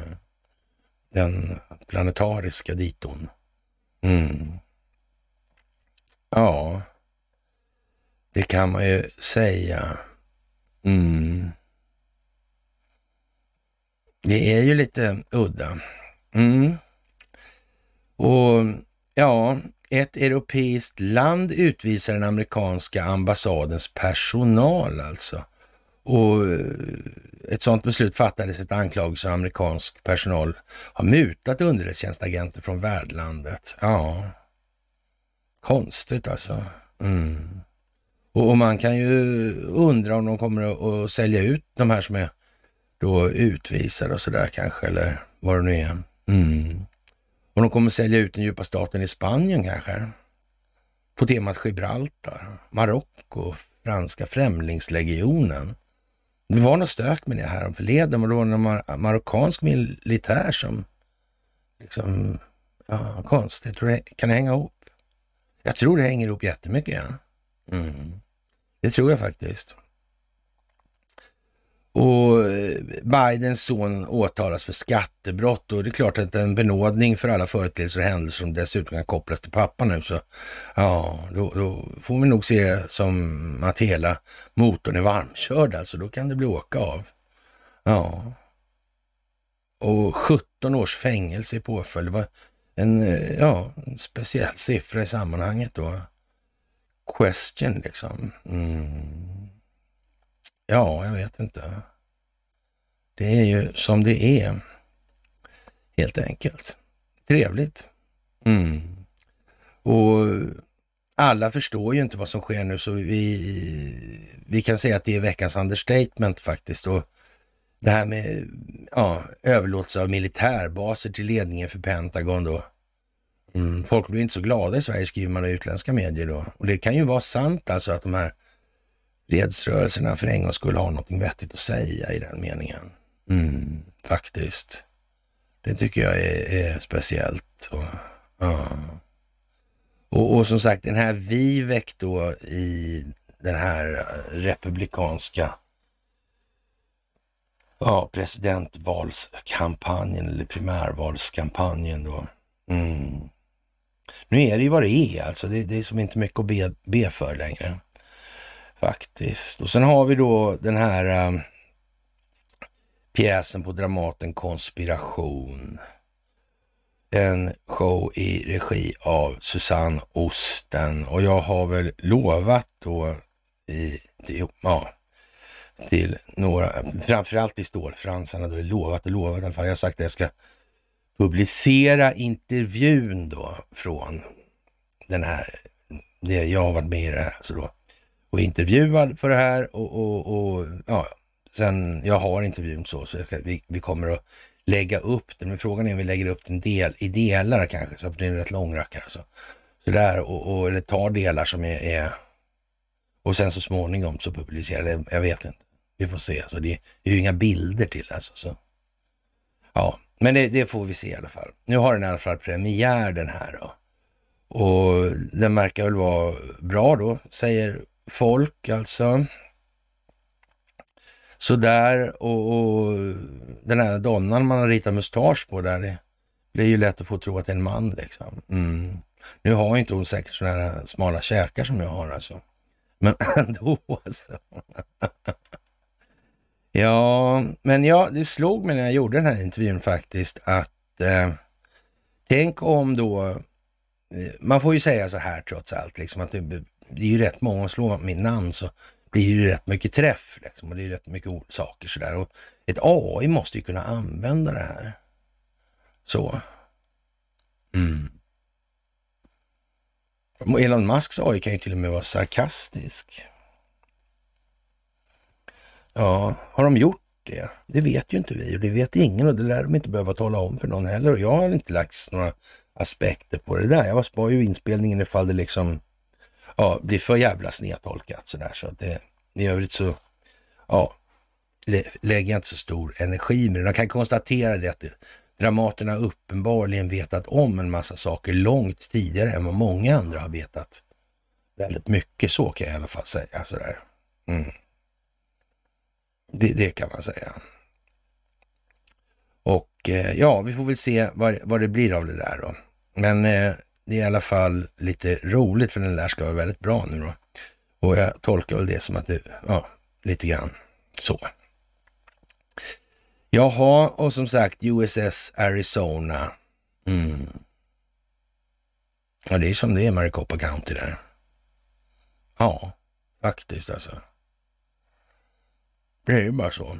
Mm. Ja, det, det, är mycket med, med gamla båtar som sagt och jag vet inte vad fan man ska tycka.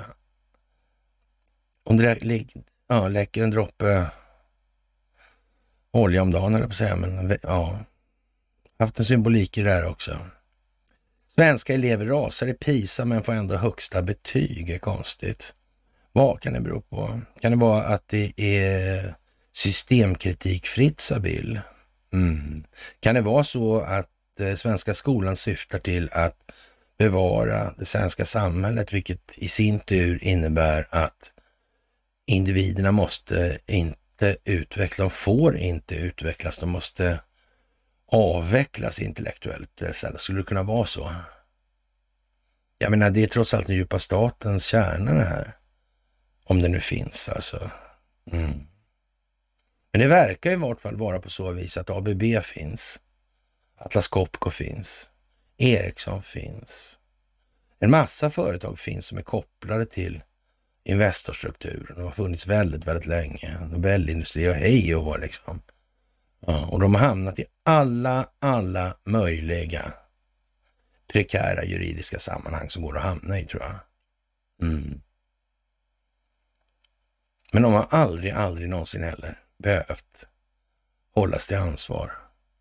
Eller de har aldrig hållits till ansvar, behövts och behövts som alltid behövts. Men det har inte blivit så. Nej, av någon anledning, en eller annan. Ja, det är ju lite sådär kanske, kan man tycka. Ja, och eh, ja.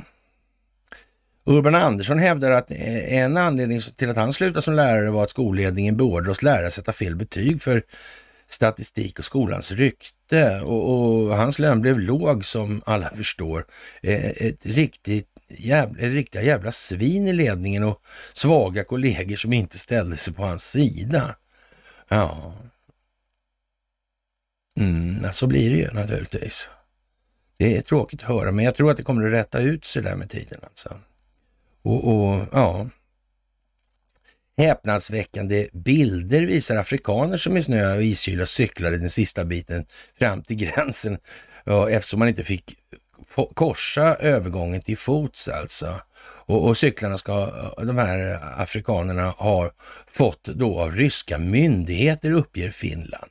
Ja, Finlands sak är ju vår, så måste ju vara så naturligtvis. Mm. Fast, eh, ja, man, man, får väl nästan ser det lite grann som att eh, undrar, David undrar lite grann om det inte är Svenne Banan som luras till att nyktra till i det här egentligen. Och, och, och det skulle man kunna tänka sig egentligen. Alltså. Ja. Det är klart. Ja, och, och Conny han tror att nästa steg blir låna hanggliders från Hamas för de flyktiga. Mm. Ja, jag vet inte hur de har tänkt med det. Vad, vad, vad är det för en reflexiv kontrolleffekt som eftersträvas där tror jag? Mm. Geografi tror jag har med saken att göra. Mm. Faktiskt. Mm, de kanske tänkte cykla hela vägen, jag vet inte. Ja. Ja, ja. Fartkameror kan aktiveras enligt Marcus Oskarsson med helt ny funktion. Det har aldrig skett tidigare då. Ja, jag vet inte faktiskt vad jag ska säga om det där.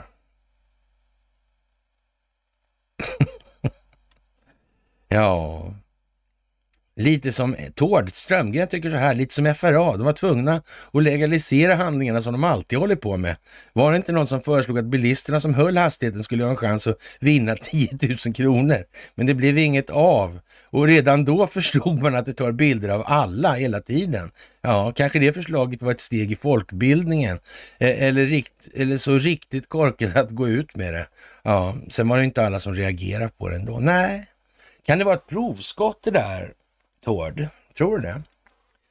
Tror det kan vara så att man gick ut med den där, för jag höll ju på att tjata om det där liksom, nu måste ni liksom förstå här, men det ville inte folk ändå. De motsträviga här.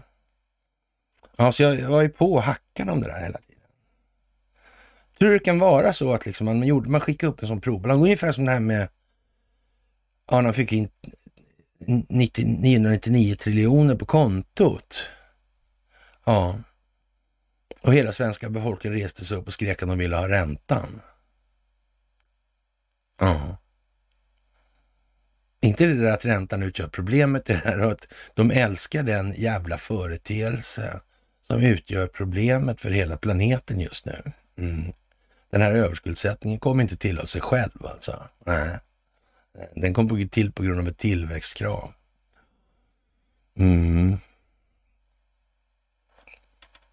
Sen får vi ta det där från olika håll. Vi som är mer monetärmekaniskt sinnade, det kan man ju säga så här, det grundar sig naturligtvis att man har varit eh, man har, vi har ett starkt intresse för pengar helt enkelt. Och, och vi, det är kalla nord här och så vidare. Och så vidare. Och vi, vi är arktiska i den bemärkelsen också, så det, vi är lätt påverkade alltså. Så. Ja. Men vi, samtidigt är vi uppfinningsrika och det är klart att ja, har man apelsiner på träna utanför fönstret så är det ju en annan femma liksom. Jag menar Västernorrlands inland, det är inte mycket apelsiner på träna så här års alltså. Nej. Nej, det är konstigt alltså. Hur det här kan bli. Mm. Men samtidigt så är det ju en period nu här där det kommer finnas en hel del människor som är rätt så besvikna på utfallet av tillvaron. Eller tillvarons utveckling. Här. Mm. Ja.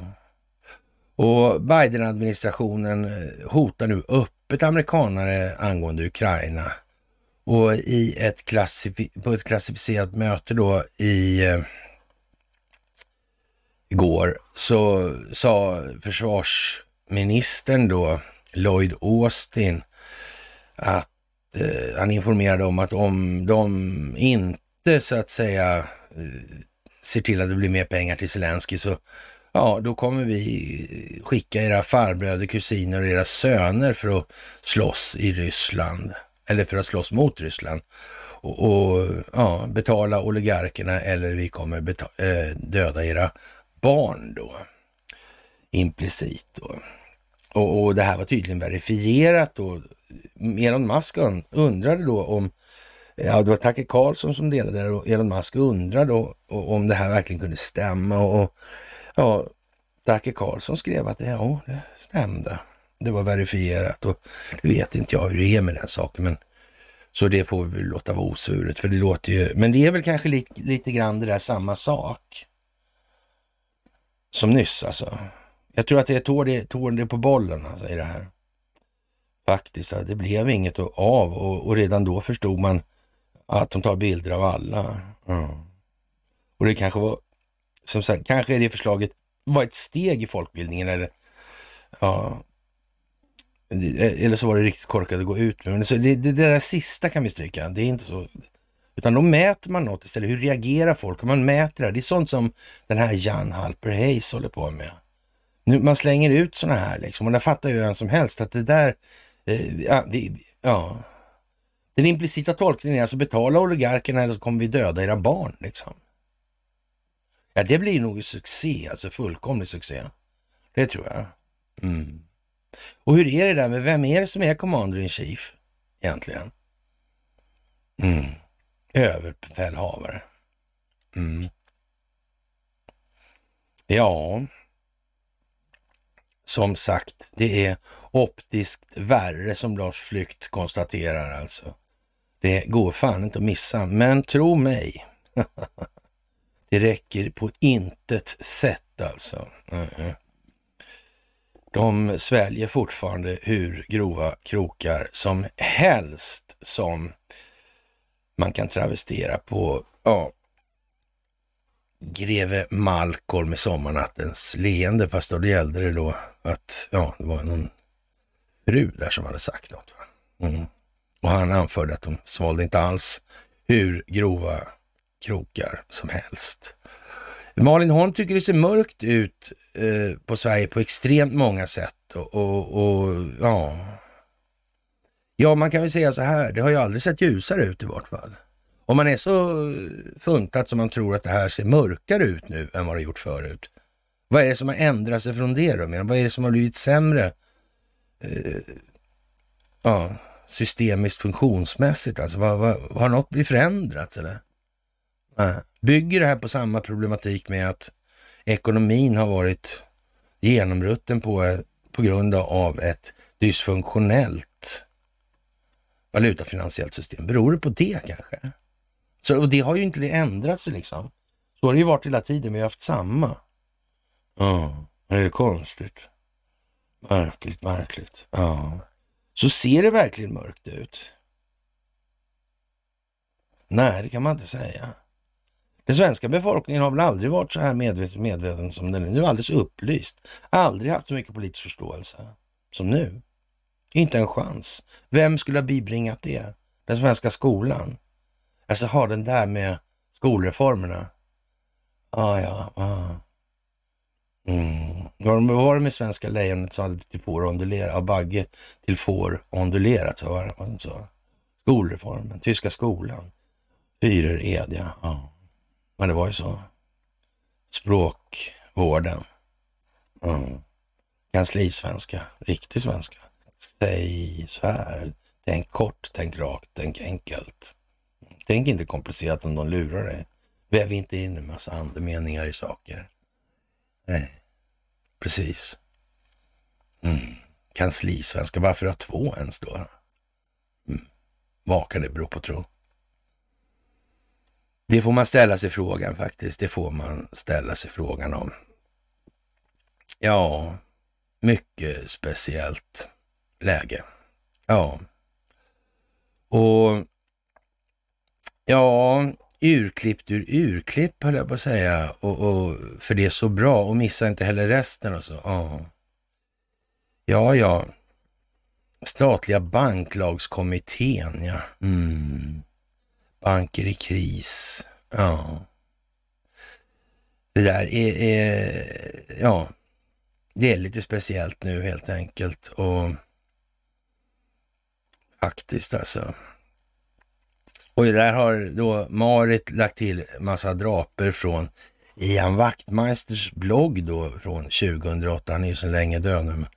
Många av de här människorna är faktiskt döda och de här plattformarna vi höll till på då, det var ju som det var. Men Och, och, jag var ju som jag var, så jag anföll ju genast Carl Bildt och, och, och sådär. Och, 2006 förstörde jag valet för, på nätet för Socialdemokraterna och, och de var tvungna att stänga sin valblogg där då. då. Mm. Och, och det var väl liksom Ja, man skulle inte eh, mata mig helt enkelt. Jag, alltså, jag ville bara avslöja vad de egentligen höll på med, var det en som skrev. Liksom. Han det var lite roligare på den tiden alltså. Men då var inte plattformarna, de fanns ju inte då, så det var ju liksom, då stängde de där. Så var den här Ingmar El Göransson hade LOs valblogg också, då stängde den också då. Men sen, sen när jag var klar med det så gav jag mig, gav jag mig på högersidan då för säkerhets skull. Så när jag efter ett tag där kom jag på att jag skulle nog köra in, jag skulle nog gå och köra i Socialdemokraterna då, så jag gick med i Socialdemokraterna. Jag var till och med invald i, i kyrkorådet faktiskt. Men, men eh, det gick inte så, för Anders Lindberg och de var med i samma då, så, så det gick inte sådär. Ja, det var, det var lite sådär halvstelt och tråkigt och Staffan Holmberg, han, han, eh, ja, han kände sig hotad när jag var med på mötena dessutom. Ja, men det var lite sådär halvlarvigt. Liksom. Jag hävdade att han var jävligt korrumperad. Och, och, och, det finns hur mycket historier som helst om det där. Så, så, och han, det var han också, så det är inte mycket med det. Mycket med det. Men hur som helst så fick jag eh, det gjorde man i alla fall för att hålla mig lite sysselsatt. Så fick jag ha sådana här debatter med olika. En gång, det var med lite olika faktiskt också. Eh, Sven-Erik Österberg var, var, på ett antal sådana där ställen, tillställningar då, som möten då, så ja, skulle vi debattera olika saker där. Och, och, det var även Ingvar Carlsson faktiskt. Och nu fick jag lova att inte prata om Palme.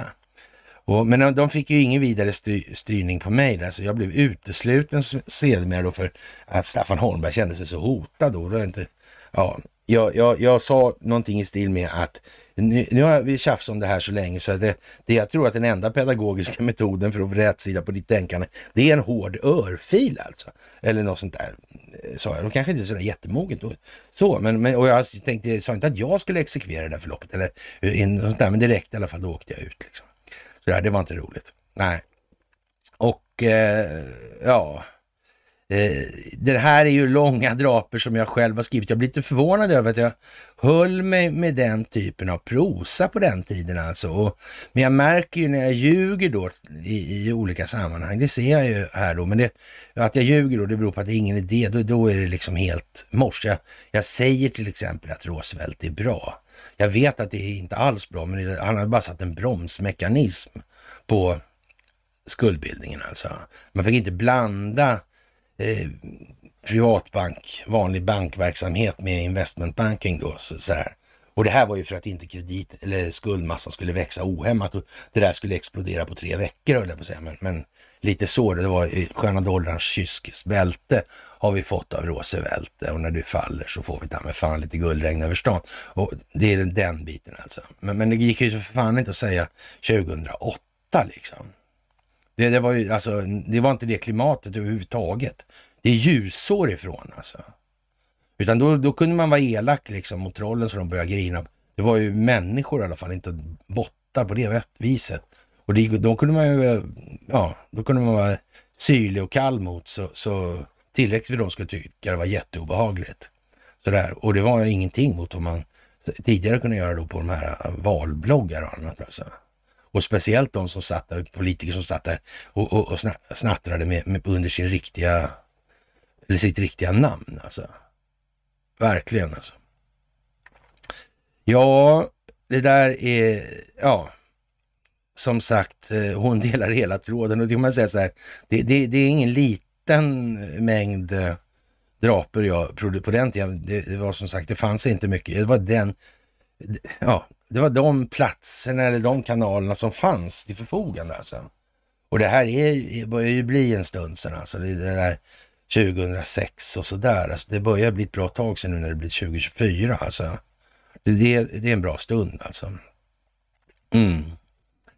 Och eh, jag blir inte tryggare med eh, Trumps soldater i eh, Aftonbladet. Jag blir inte mer trygg tror jag det heter. Rätteligen, men det kan vi väl lämna därhän. Och Victoria bär på en hemlighet.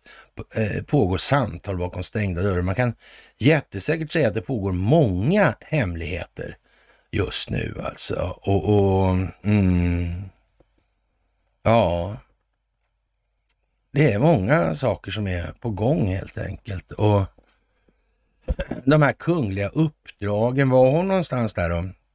Har hon hållit på att nasa vapen? Ja. Konstigt alltså. Och, och mm, kungligheterna verkar utan att synas, förklarar Svensk Damtidning nu alltså. Ja. ja, det kan man ju säga. Det gjorde Gustav V också. Mm. Det här har ju pågått generationer. Mm. Oskar II satte in pengar på banken när det gick lite dåligt, hade överinvesterat lite där kanske. Mm. Var det någon järnväg alltså? Ja. ja, vad konstigt alltså. Märkligt alltså. Mm. Fantastiskt trevligt alltså. Och det är klart att tongångarna är lite olika och eh, det här försvarsavtalet alltså. Ja, delade meningar alltså. Sverige säljer sig och någon säger att det är precis vad Sverige behöver innan ryssen kommer. Ja, vi måste nog ha ett avtal först alltså. Så, ja, vi ska helst behöva liksom, mm, tar vi hit dem alltså jävlar nu.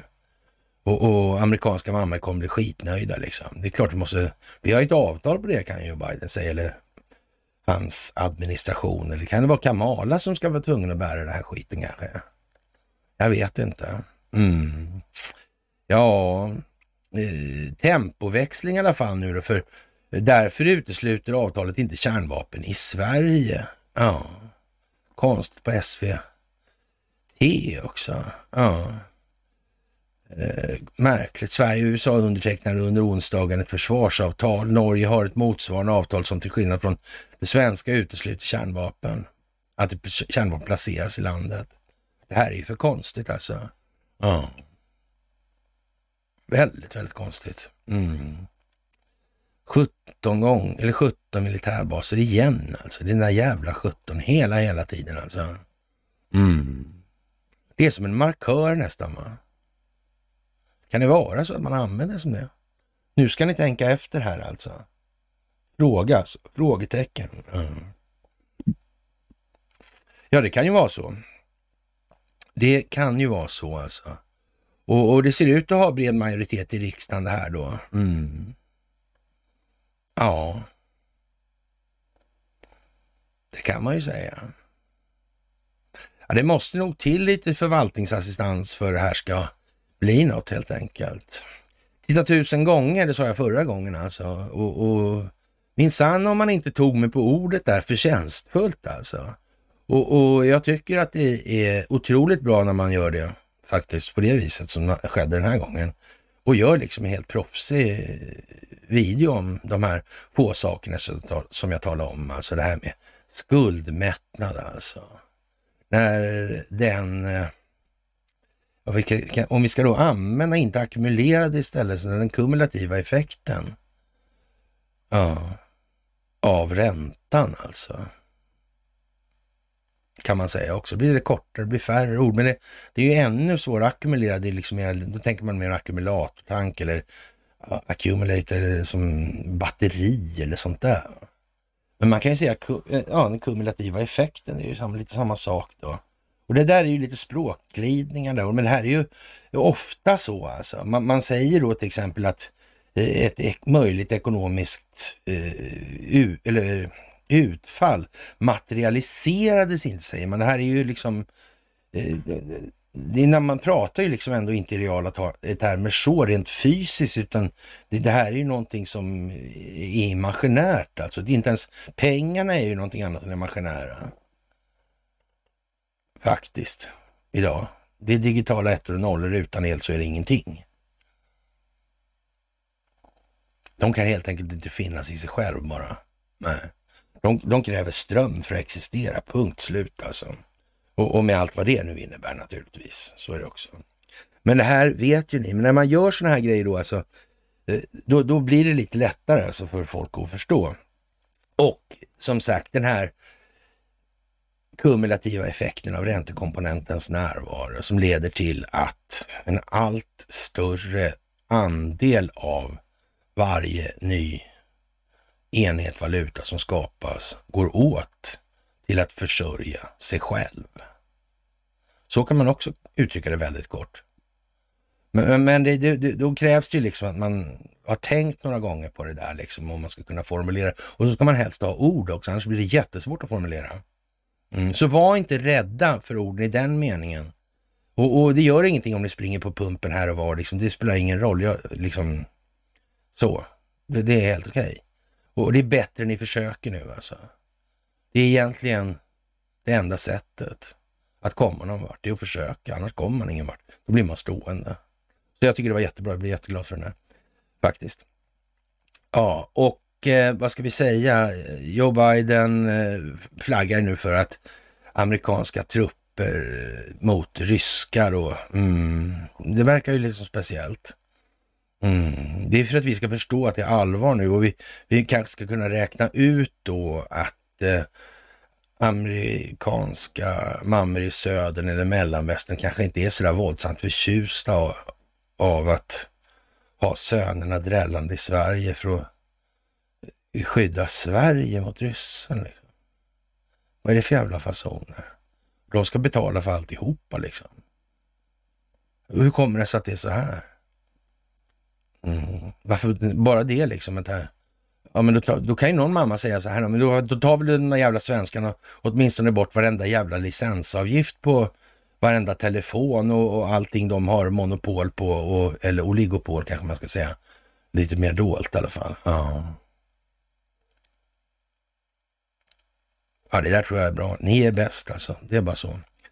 Och som sagt, eh, det här med kungen och det jag har tagit med Cornelia, där det finns en massa grejer och, och om det här bakåt i, historien med lagar naturligtvis. Det är därför det handlar om det svenska rättssystemet, för det här är inte nytt alltså. Och man kan ta den här eh, frågan med Bulgariens krygepapper och ABB, alltså när de här skulle så att säga lösas in och man satt på ABB och hade då en hel avdelning som satt och höll på med det, hade hållit på med flera år. Det var mycket, mycket, mycket pengar alltså. Mm. Då dök Göran Persson upp helt plötsligt och sa nej, det blir ingenting. Och det här var väl i samma veva då som Percy Barnevik fick eh, sitt ja, eh, pensionsavtal granskat i medierna om man säger som så. Då. Och frågan är alltså hur skäl man ett land? Hur tillskansar man sig kontrollen över de här strategiska funktionerna? Den kritiska infrastrukturen. Ja, det får man ju faktiskt fundera lite på, men, men eh, det är på spår om jag säger som så. Mm. Och BBC då satsar på svenskt innehåll och vi är väldigt överraskade naturligtvis och kan inte komma på en enda anledning till det här kommit till stånd och undrar om det finns någon på, på ja, som är anknytning till BBC som, jag vet inte, vilket bolag är det som, kan det vara det där eh, och britti, brittisk public service gör en satsning på Sverige. Mm, det kan kännas som att det, liksom, det kan ha med folkbildning att göra här tror jag. Jag vet ju någon i alla fall, jag känner en faktiskt sådär, som jobbar på, eh, ja, på Redby faktiskt. Sådär. Steve heter han. Ja, ja. Mm. Vi har tränat en hel del ihop faktiskt också. Sådär. Ja. Jag har till och med äldrekurser till honom på någon officershögskola. Sådär alltså. Mm. Konstigt. Han har, han har väst varit dörrvakt till mig också. Ja. var Mm. Lustigt. Jag tror han i alla fall måste ju veta något om det där. Mm. Det är jag faktiskt säker på. Jaha, och eh, Inga-Britt Ahlenius anser att ämbetsmannen inte är någon simpel tjänsteperson. Nej, det, det är kanske bra att vi har det, men, men eh, ja, det, det, det, verkar konstigt ändå, lite strömhopp ut för stupet här, för Inga-Britt måste ju rimligen veta vem Axel Oxenstierna var. Jag tror det i alla fall. Jag tror det, jag tror det. Ja. Och Rysslands nya vapen i krigen, AI-journalister. Eh, men det behöver man inte utveckla så mycket. Man kan säga, undra om vi har det, alltså AI-journalister. Jag tycker Wolfgang Hansson på senare tid ser ut att vara lite åt det hållet. Och, och nya mediestödet kan leda till tidningsdöd alltså. Och, och, det är ju trist om det blir så. Mm. Mediemångfald, ja, nej, jag vet inte. Och, och Sverige varnar Ryssland eh, ja, för sista gången. Alltså Putin har ingen chans i Östersjön. Alltså står det internationella medier, det finns på Youtube. Ja, ja, jag vet inte, kanske det. Eller kanske inte. Det är väl svårt. Eh, Tricky Dick här är, är, ju lite anmärkningsvärd med drottning Kristina och eh, drottning Kristinas roll i de här sammanhangen. Hon, ja, hon, hon var ju drottning i egen rätt då från 1632 till 1654, två månader innan Axel Oxenstierna dö, kan jag ju säga först som sist då. Och, och det var ju väldiga eh, grejer som hände då i det 30-åriga kriget och nationalstatens födelse och ja, stora landvinningar för Sverige och ökad prestige alltså. Och Oxenstierna var ju med, men det tar inte, Dick Harrison glömmer Oxenstierna för han var inte så viktig alltså. Och, och det är en grund, grundaren enligt Wikipedia av den svenska statsapparaten som bildade ämbetsverk och sen fick de att samverka och lät indela landet i jämnstora län med fasta länsgränser som i huvudsak gäller fortfarande. År 1645 blev Axel Oxenstierna greve med Södermöre i Kalmar som grevskap alltså. Och han var Gustav den andra Adolfs närmaste man under en mycket mycket lång tid. Han ordnade med bröllopet mellan kungen och Maria Eleonora av Brandenburg 1620 under kriget mot Polen och kriget mot Ryssland hade han det yttersta ansvaret över arméns och flottans försörjning inklusive mat och pengar. 1622 blev han generalguvernör över Riga och 1629 förhandlade han fram stillestånd i Altmark där Sverige erhöll Livland. Samma år blev han generalguvernör för de nyerövrade territorierna i Preussen alltså. Och, och sen började han assistera kungen i det pågående 30-åriga kriget och Gustav Adolf, eller Gustav II Adolf krigade i Franken och Bayern och, och 1632 blev han legatus över renländerna, vilket innebar att han hade kontroll över samtliga tyska generaler. Och då dog ju också passande då, eh, ja, kungen då 1632 efter slaget vid Lützen. Och då blev han i princip då regent eftersom Kristina inte var myndig. Och ja, det var alltså han som sa i Norrland har vi ett Indien om vi blott förstå att rätt utnyttjar alltså. Men han ingav protestanter ett nytt hopp. Allt det här glömmer Harrison alltså. Och, och man får ju nästan intrycket av att allt det här insamlandet av böcker och så vidare. Man tog djävulsbibeln och man tog silverbibeln. Det har till och med står uttryckt så här då i, eh, ja vad man ska säga här, eh, angående då de här biblarna och, och vad som har förevarit i de sammanhangen då så, ja man blir helt galen alltså när man läste det första gången sådär och, och tänker sig att det är inte möjligt liksom. Och då står det så här angående då, när det gäller silverbibeln alltså. Så står det så här, genom att ändra originaltexten framstod det plötsligt som att Jesus besökt templet i Uppsala. Syftet var att göra Uppsala till den västerländska civilisationens vagga. Ja, alltså Sverige var otroligt i farten när det gäller stormaktsambitionerna. Det var inget snack, men sen bara försvann det här. Det var konstigt. Ja. Konstigt alltså. Vad kan det bero på? Ja. Ja. Och när Robert Kagan åberopas i Svenska Dagbladet som någon form av trovärdighetssymbol alltså. Och kompis med Åsnelund och Liljecke, gift med Victoria Nuland, fuck EU alltså. Och så vidare. Mm. Och, och, ja, hur är det med Åsnelund? Är han kompis med både Kolomoisky och hur många är det egentligen? Ja, Carl Bildt också. Ja. Ja, Carl Bildt han sparkar ut mig från sin blogg på 64 sekunder. Eller så, nej, men, ja, alla dessa dagar kanske, jag vet inte. Ja, och här får man nästan eh, säga så det här, eh, ja, i en uppmärksammad artikel i Washington Post, högst densamma alltså. Ja har den eh, respekterade amerikanska historikern Robert Kagan beskrivit en obehaglig realistisk väg till diktatur i USA. Om 30 veckor, 13 veckor har Donald Trump sytt ihop sin kandidatur för Republikanerna i presidentvalet och ja, jag vet inte. Det är väl lite sådär va? Mm. Det är speciellt helt enkelt. Det är mycket speciellt alltså. Och jag vet inte vad man, man ska säga. Alltså, Kagan beskriver hur en hämndlysten Trump återvänder till Vita huset fast besluten att inte göra om misstaget och omger sig med personer som inte är obrottsligt lojala mot honom han, och hans utfall mot konstitutionen. Eh, nu ska han göra upp räkningen med sina motståndare och det som tvingade bort honom efter valförlusten som han aldrig har erkänt. Eh, det låter som Robert Kagan eh, Ja, han har, han har fått ett förmaningstal av någon alltså. Mm. Det är dags att kasta skygglapparna och inse att Trump kan bli vald igen och att konsekvenserna riskerar att bli en ytterst otrevlig samhällsomvandling i världens ledande demokrati alltså. Och det lönar sig knappast att spekulera exakt hur stora riskerna är att Trump verkligen vinner i november. Men att faran finns där i samma stund som han nomineras till Republikanernas som kandidat där då, det är, upp, det är uppenbart alltså. Men nu har det ju gått så långt så att ja, vad ska jag säga? Den här Vivek där alltså. Det finns ju inga motkrafter, det blir ju bara han. Ja, och redan nu, det här gick ju liksom snabbare. Den där han ju knappt ja, lämna tryckpressarna gör man inte så ofta nu för tiden, men ändå alltså. Ja. Ja, faktiskt alltså. Ja, utrymmet för överraskningar är ännu stort. Ingen vet hur rättegångarna slutar. Nej, nej vi har ju tagit upp det där nu, så det, ja, det vet vi ju inte heller. Nej, nej. Men vi vet i alla fall att de, oavsett hur de slutar så finns det en prejudicerande verkan. Det är vi helt säkra på. Om man blir fälld eller friad, det, är ju, det återstår väl att se liksom vad som händer.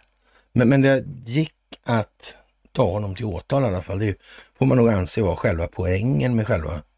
Ja, det kanske var så att Donald Trump anställde folk som han Eller tog till sig folk för att skapa utrymme för den djupa staten att utveckla sina tankar och känslor i en viss önskad given mm, utvecklingsriktning. Kan ju vara så. Det kan ju vara planerat menar jag.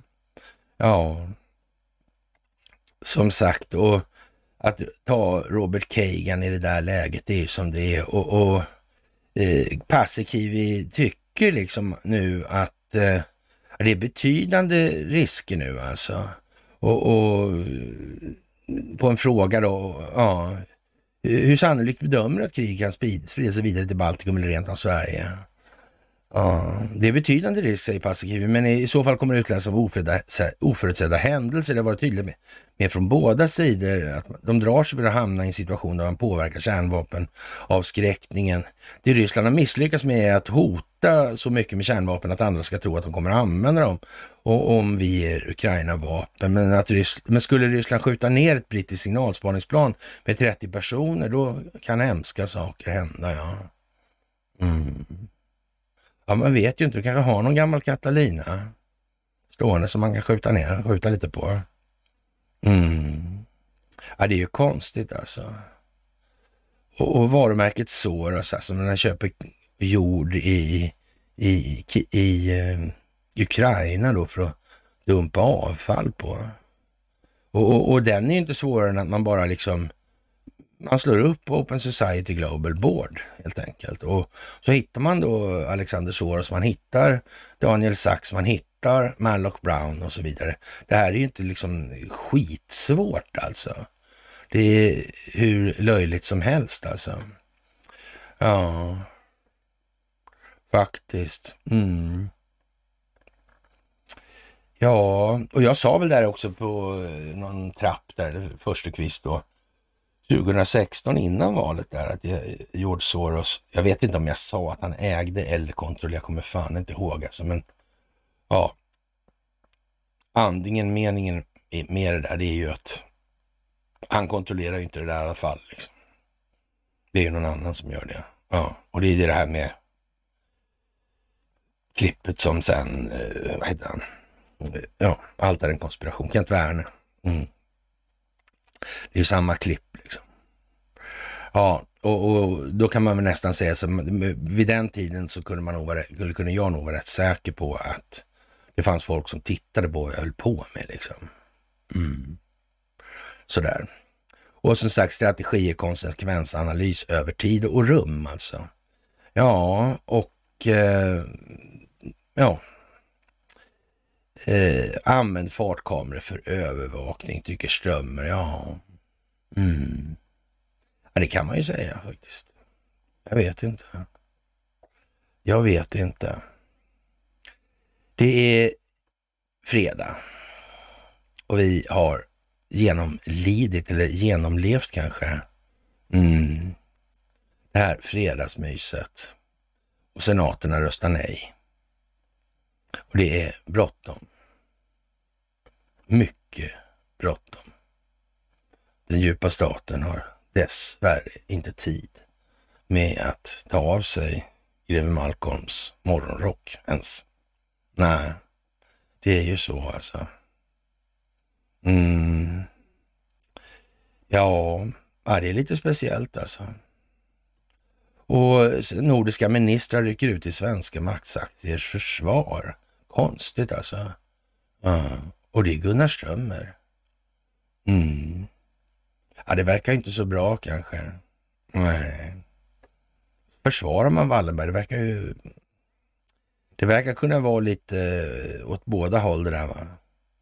Och, och de som har missat det här med Vladimir Putins resa i Mellanöstern, alltså det låter som en saga alltså. Det är nästan Rasputin också dessutom här nu. Ja, hade det varit ännu mer komiskt. Mm. Ja. Ja. Nej, nej. Ja. Ja. Ja, som sagt. Det är som det är helt enkelt. Och jag vet inte vad, vad Sverige ska liksom... Vi ska göra det vi gör alltså. Ja. Och nu gäller det att homogenisera det här. En del eh, delar ur den här alternativa rörelsen, eller vad vi nu ska kalla det för då, de är ju där de är alltså. Ja. Och korruptionen i det svenska rättssystemet är vad den är. Mm. Och har man korrumperat rättssystemet så har man lyckats korrumpera en del annat också, va? som till exempel alternativa rörelser. Det blir ju liksom de här sakfrågorna. Men då måste man finna sig att man får prata om massa saker också av väldigt varierande snitt alltså. Det är ju så. Och när Wolfgang Hansson eh, skriver en artikel som är, ja, som den här med om i en ny era har det otänkbara blivit en självklarhet och, och, och då är det ju som det är va? I, i det här, skulle jag vilja påstå. Och den här är en sån här artikel som man inte orkar hålla på och gå igenom det här med, med signeringsceremonin i Washington och alla de där orden. Då kan man bara läsa baklänges så kan man säga så här då. då i den nya mörka tid vi lever i, förhoppningen att NATO-medlemskap med allt vad det innebär ska göra oss säkrare. Men jag tror nog många svenskar i likhet med mig har svårt att hänga med i vad den oerhörda förflyttning vi gjort kommer att innebära för vårt land på sikt då. Och, och fortfarande är Sverige inte formellt med i NATO, men avtalet om baserna gäller ju oavsett. Och, och just nu är Joe Biden president, men vad händer om Donald Trump väljs i november nästa år, då är det han som är överbefälhavare och, och kan använda svenska baser eh, för de militära operationer han anser nödvändigt. Ja, konstigt. Och, och de här tre eh, styckena, eller annat än att vi får en ny era i sista, men de här tre styckena som jag läste då, då läste jag det sista först och, och sen uppåt då. Och då blir det ju liksom inte så mycket kvar att prata om. Där är vi i den här reflexiva kontrollen nu, i det här folkbildningsprojektet som bygger på en amerikansk stingoperation. Mm. Och där man har tagit svenska mainstream-medier i anspråk. Ja, hur man nu ska uttrycka det, men nu är det så här. Va? Mm. Och då får de hjälpa till helt enkelt. Så enkelt är det. Och ni ska ha det allra, allra största tack för att ni är vad ni är. Och återigen, ett jättetack för gåvor på Swish och Patreon. Och för att ni fördjupar er på karlnorberg.se och att ni hakar på Telegramtjänsten och så önskar jag er en fantastiskt trevlig helg. Och sen hörs vi senast på måndag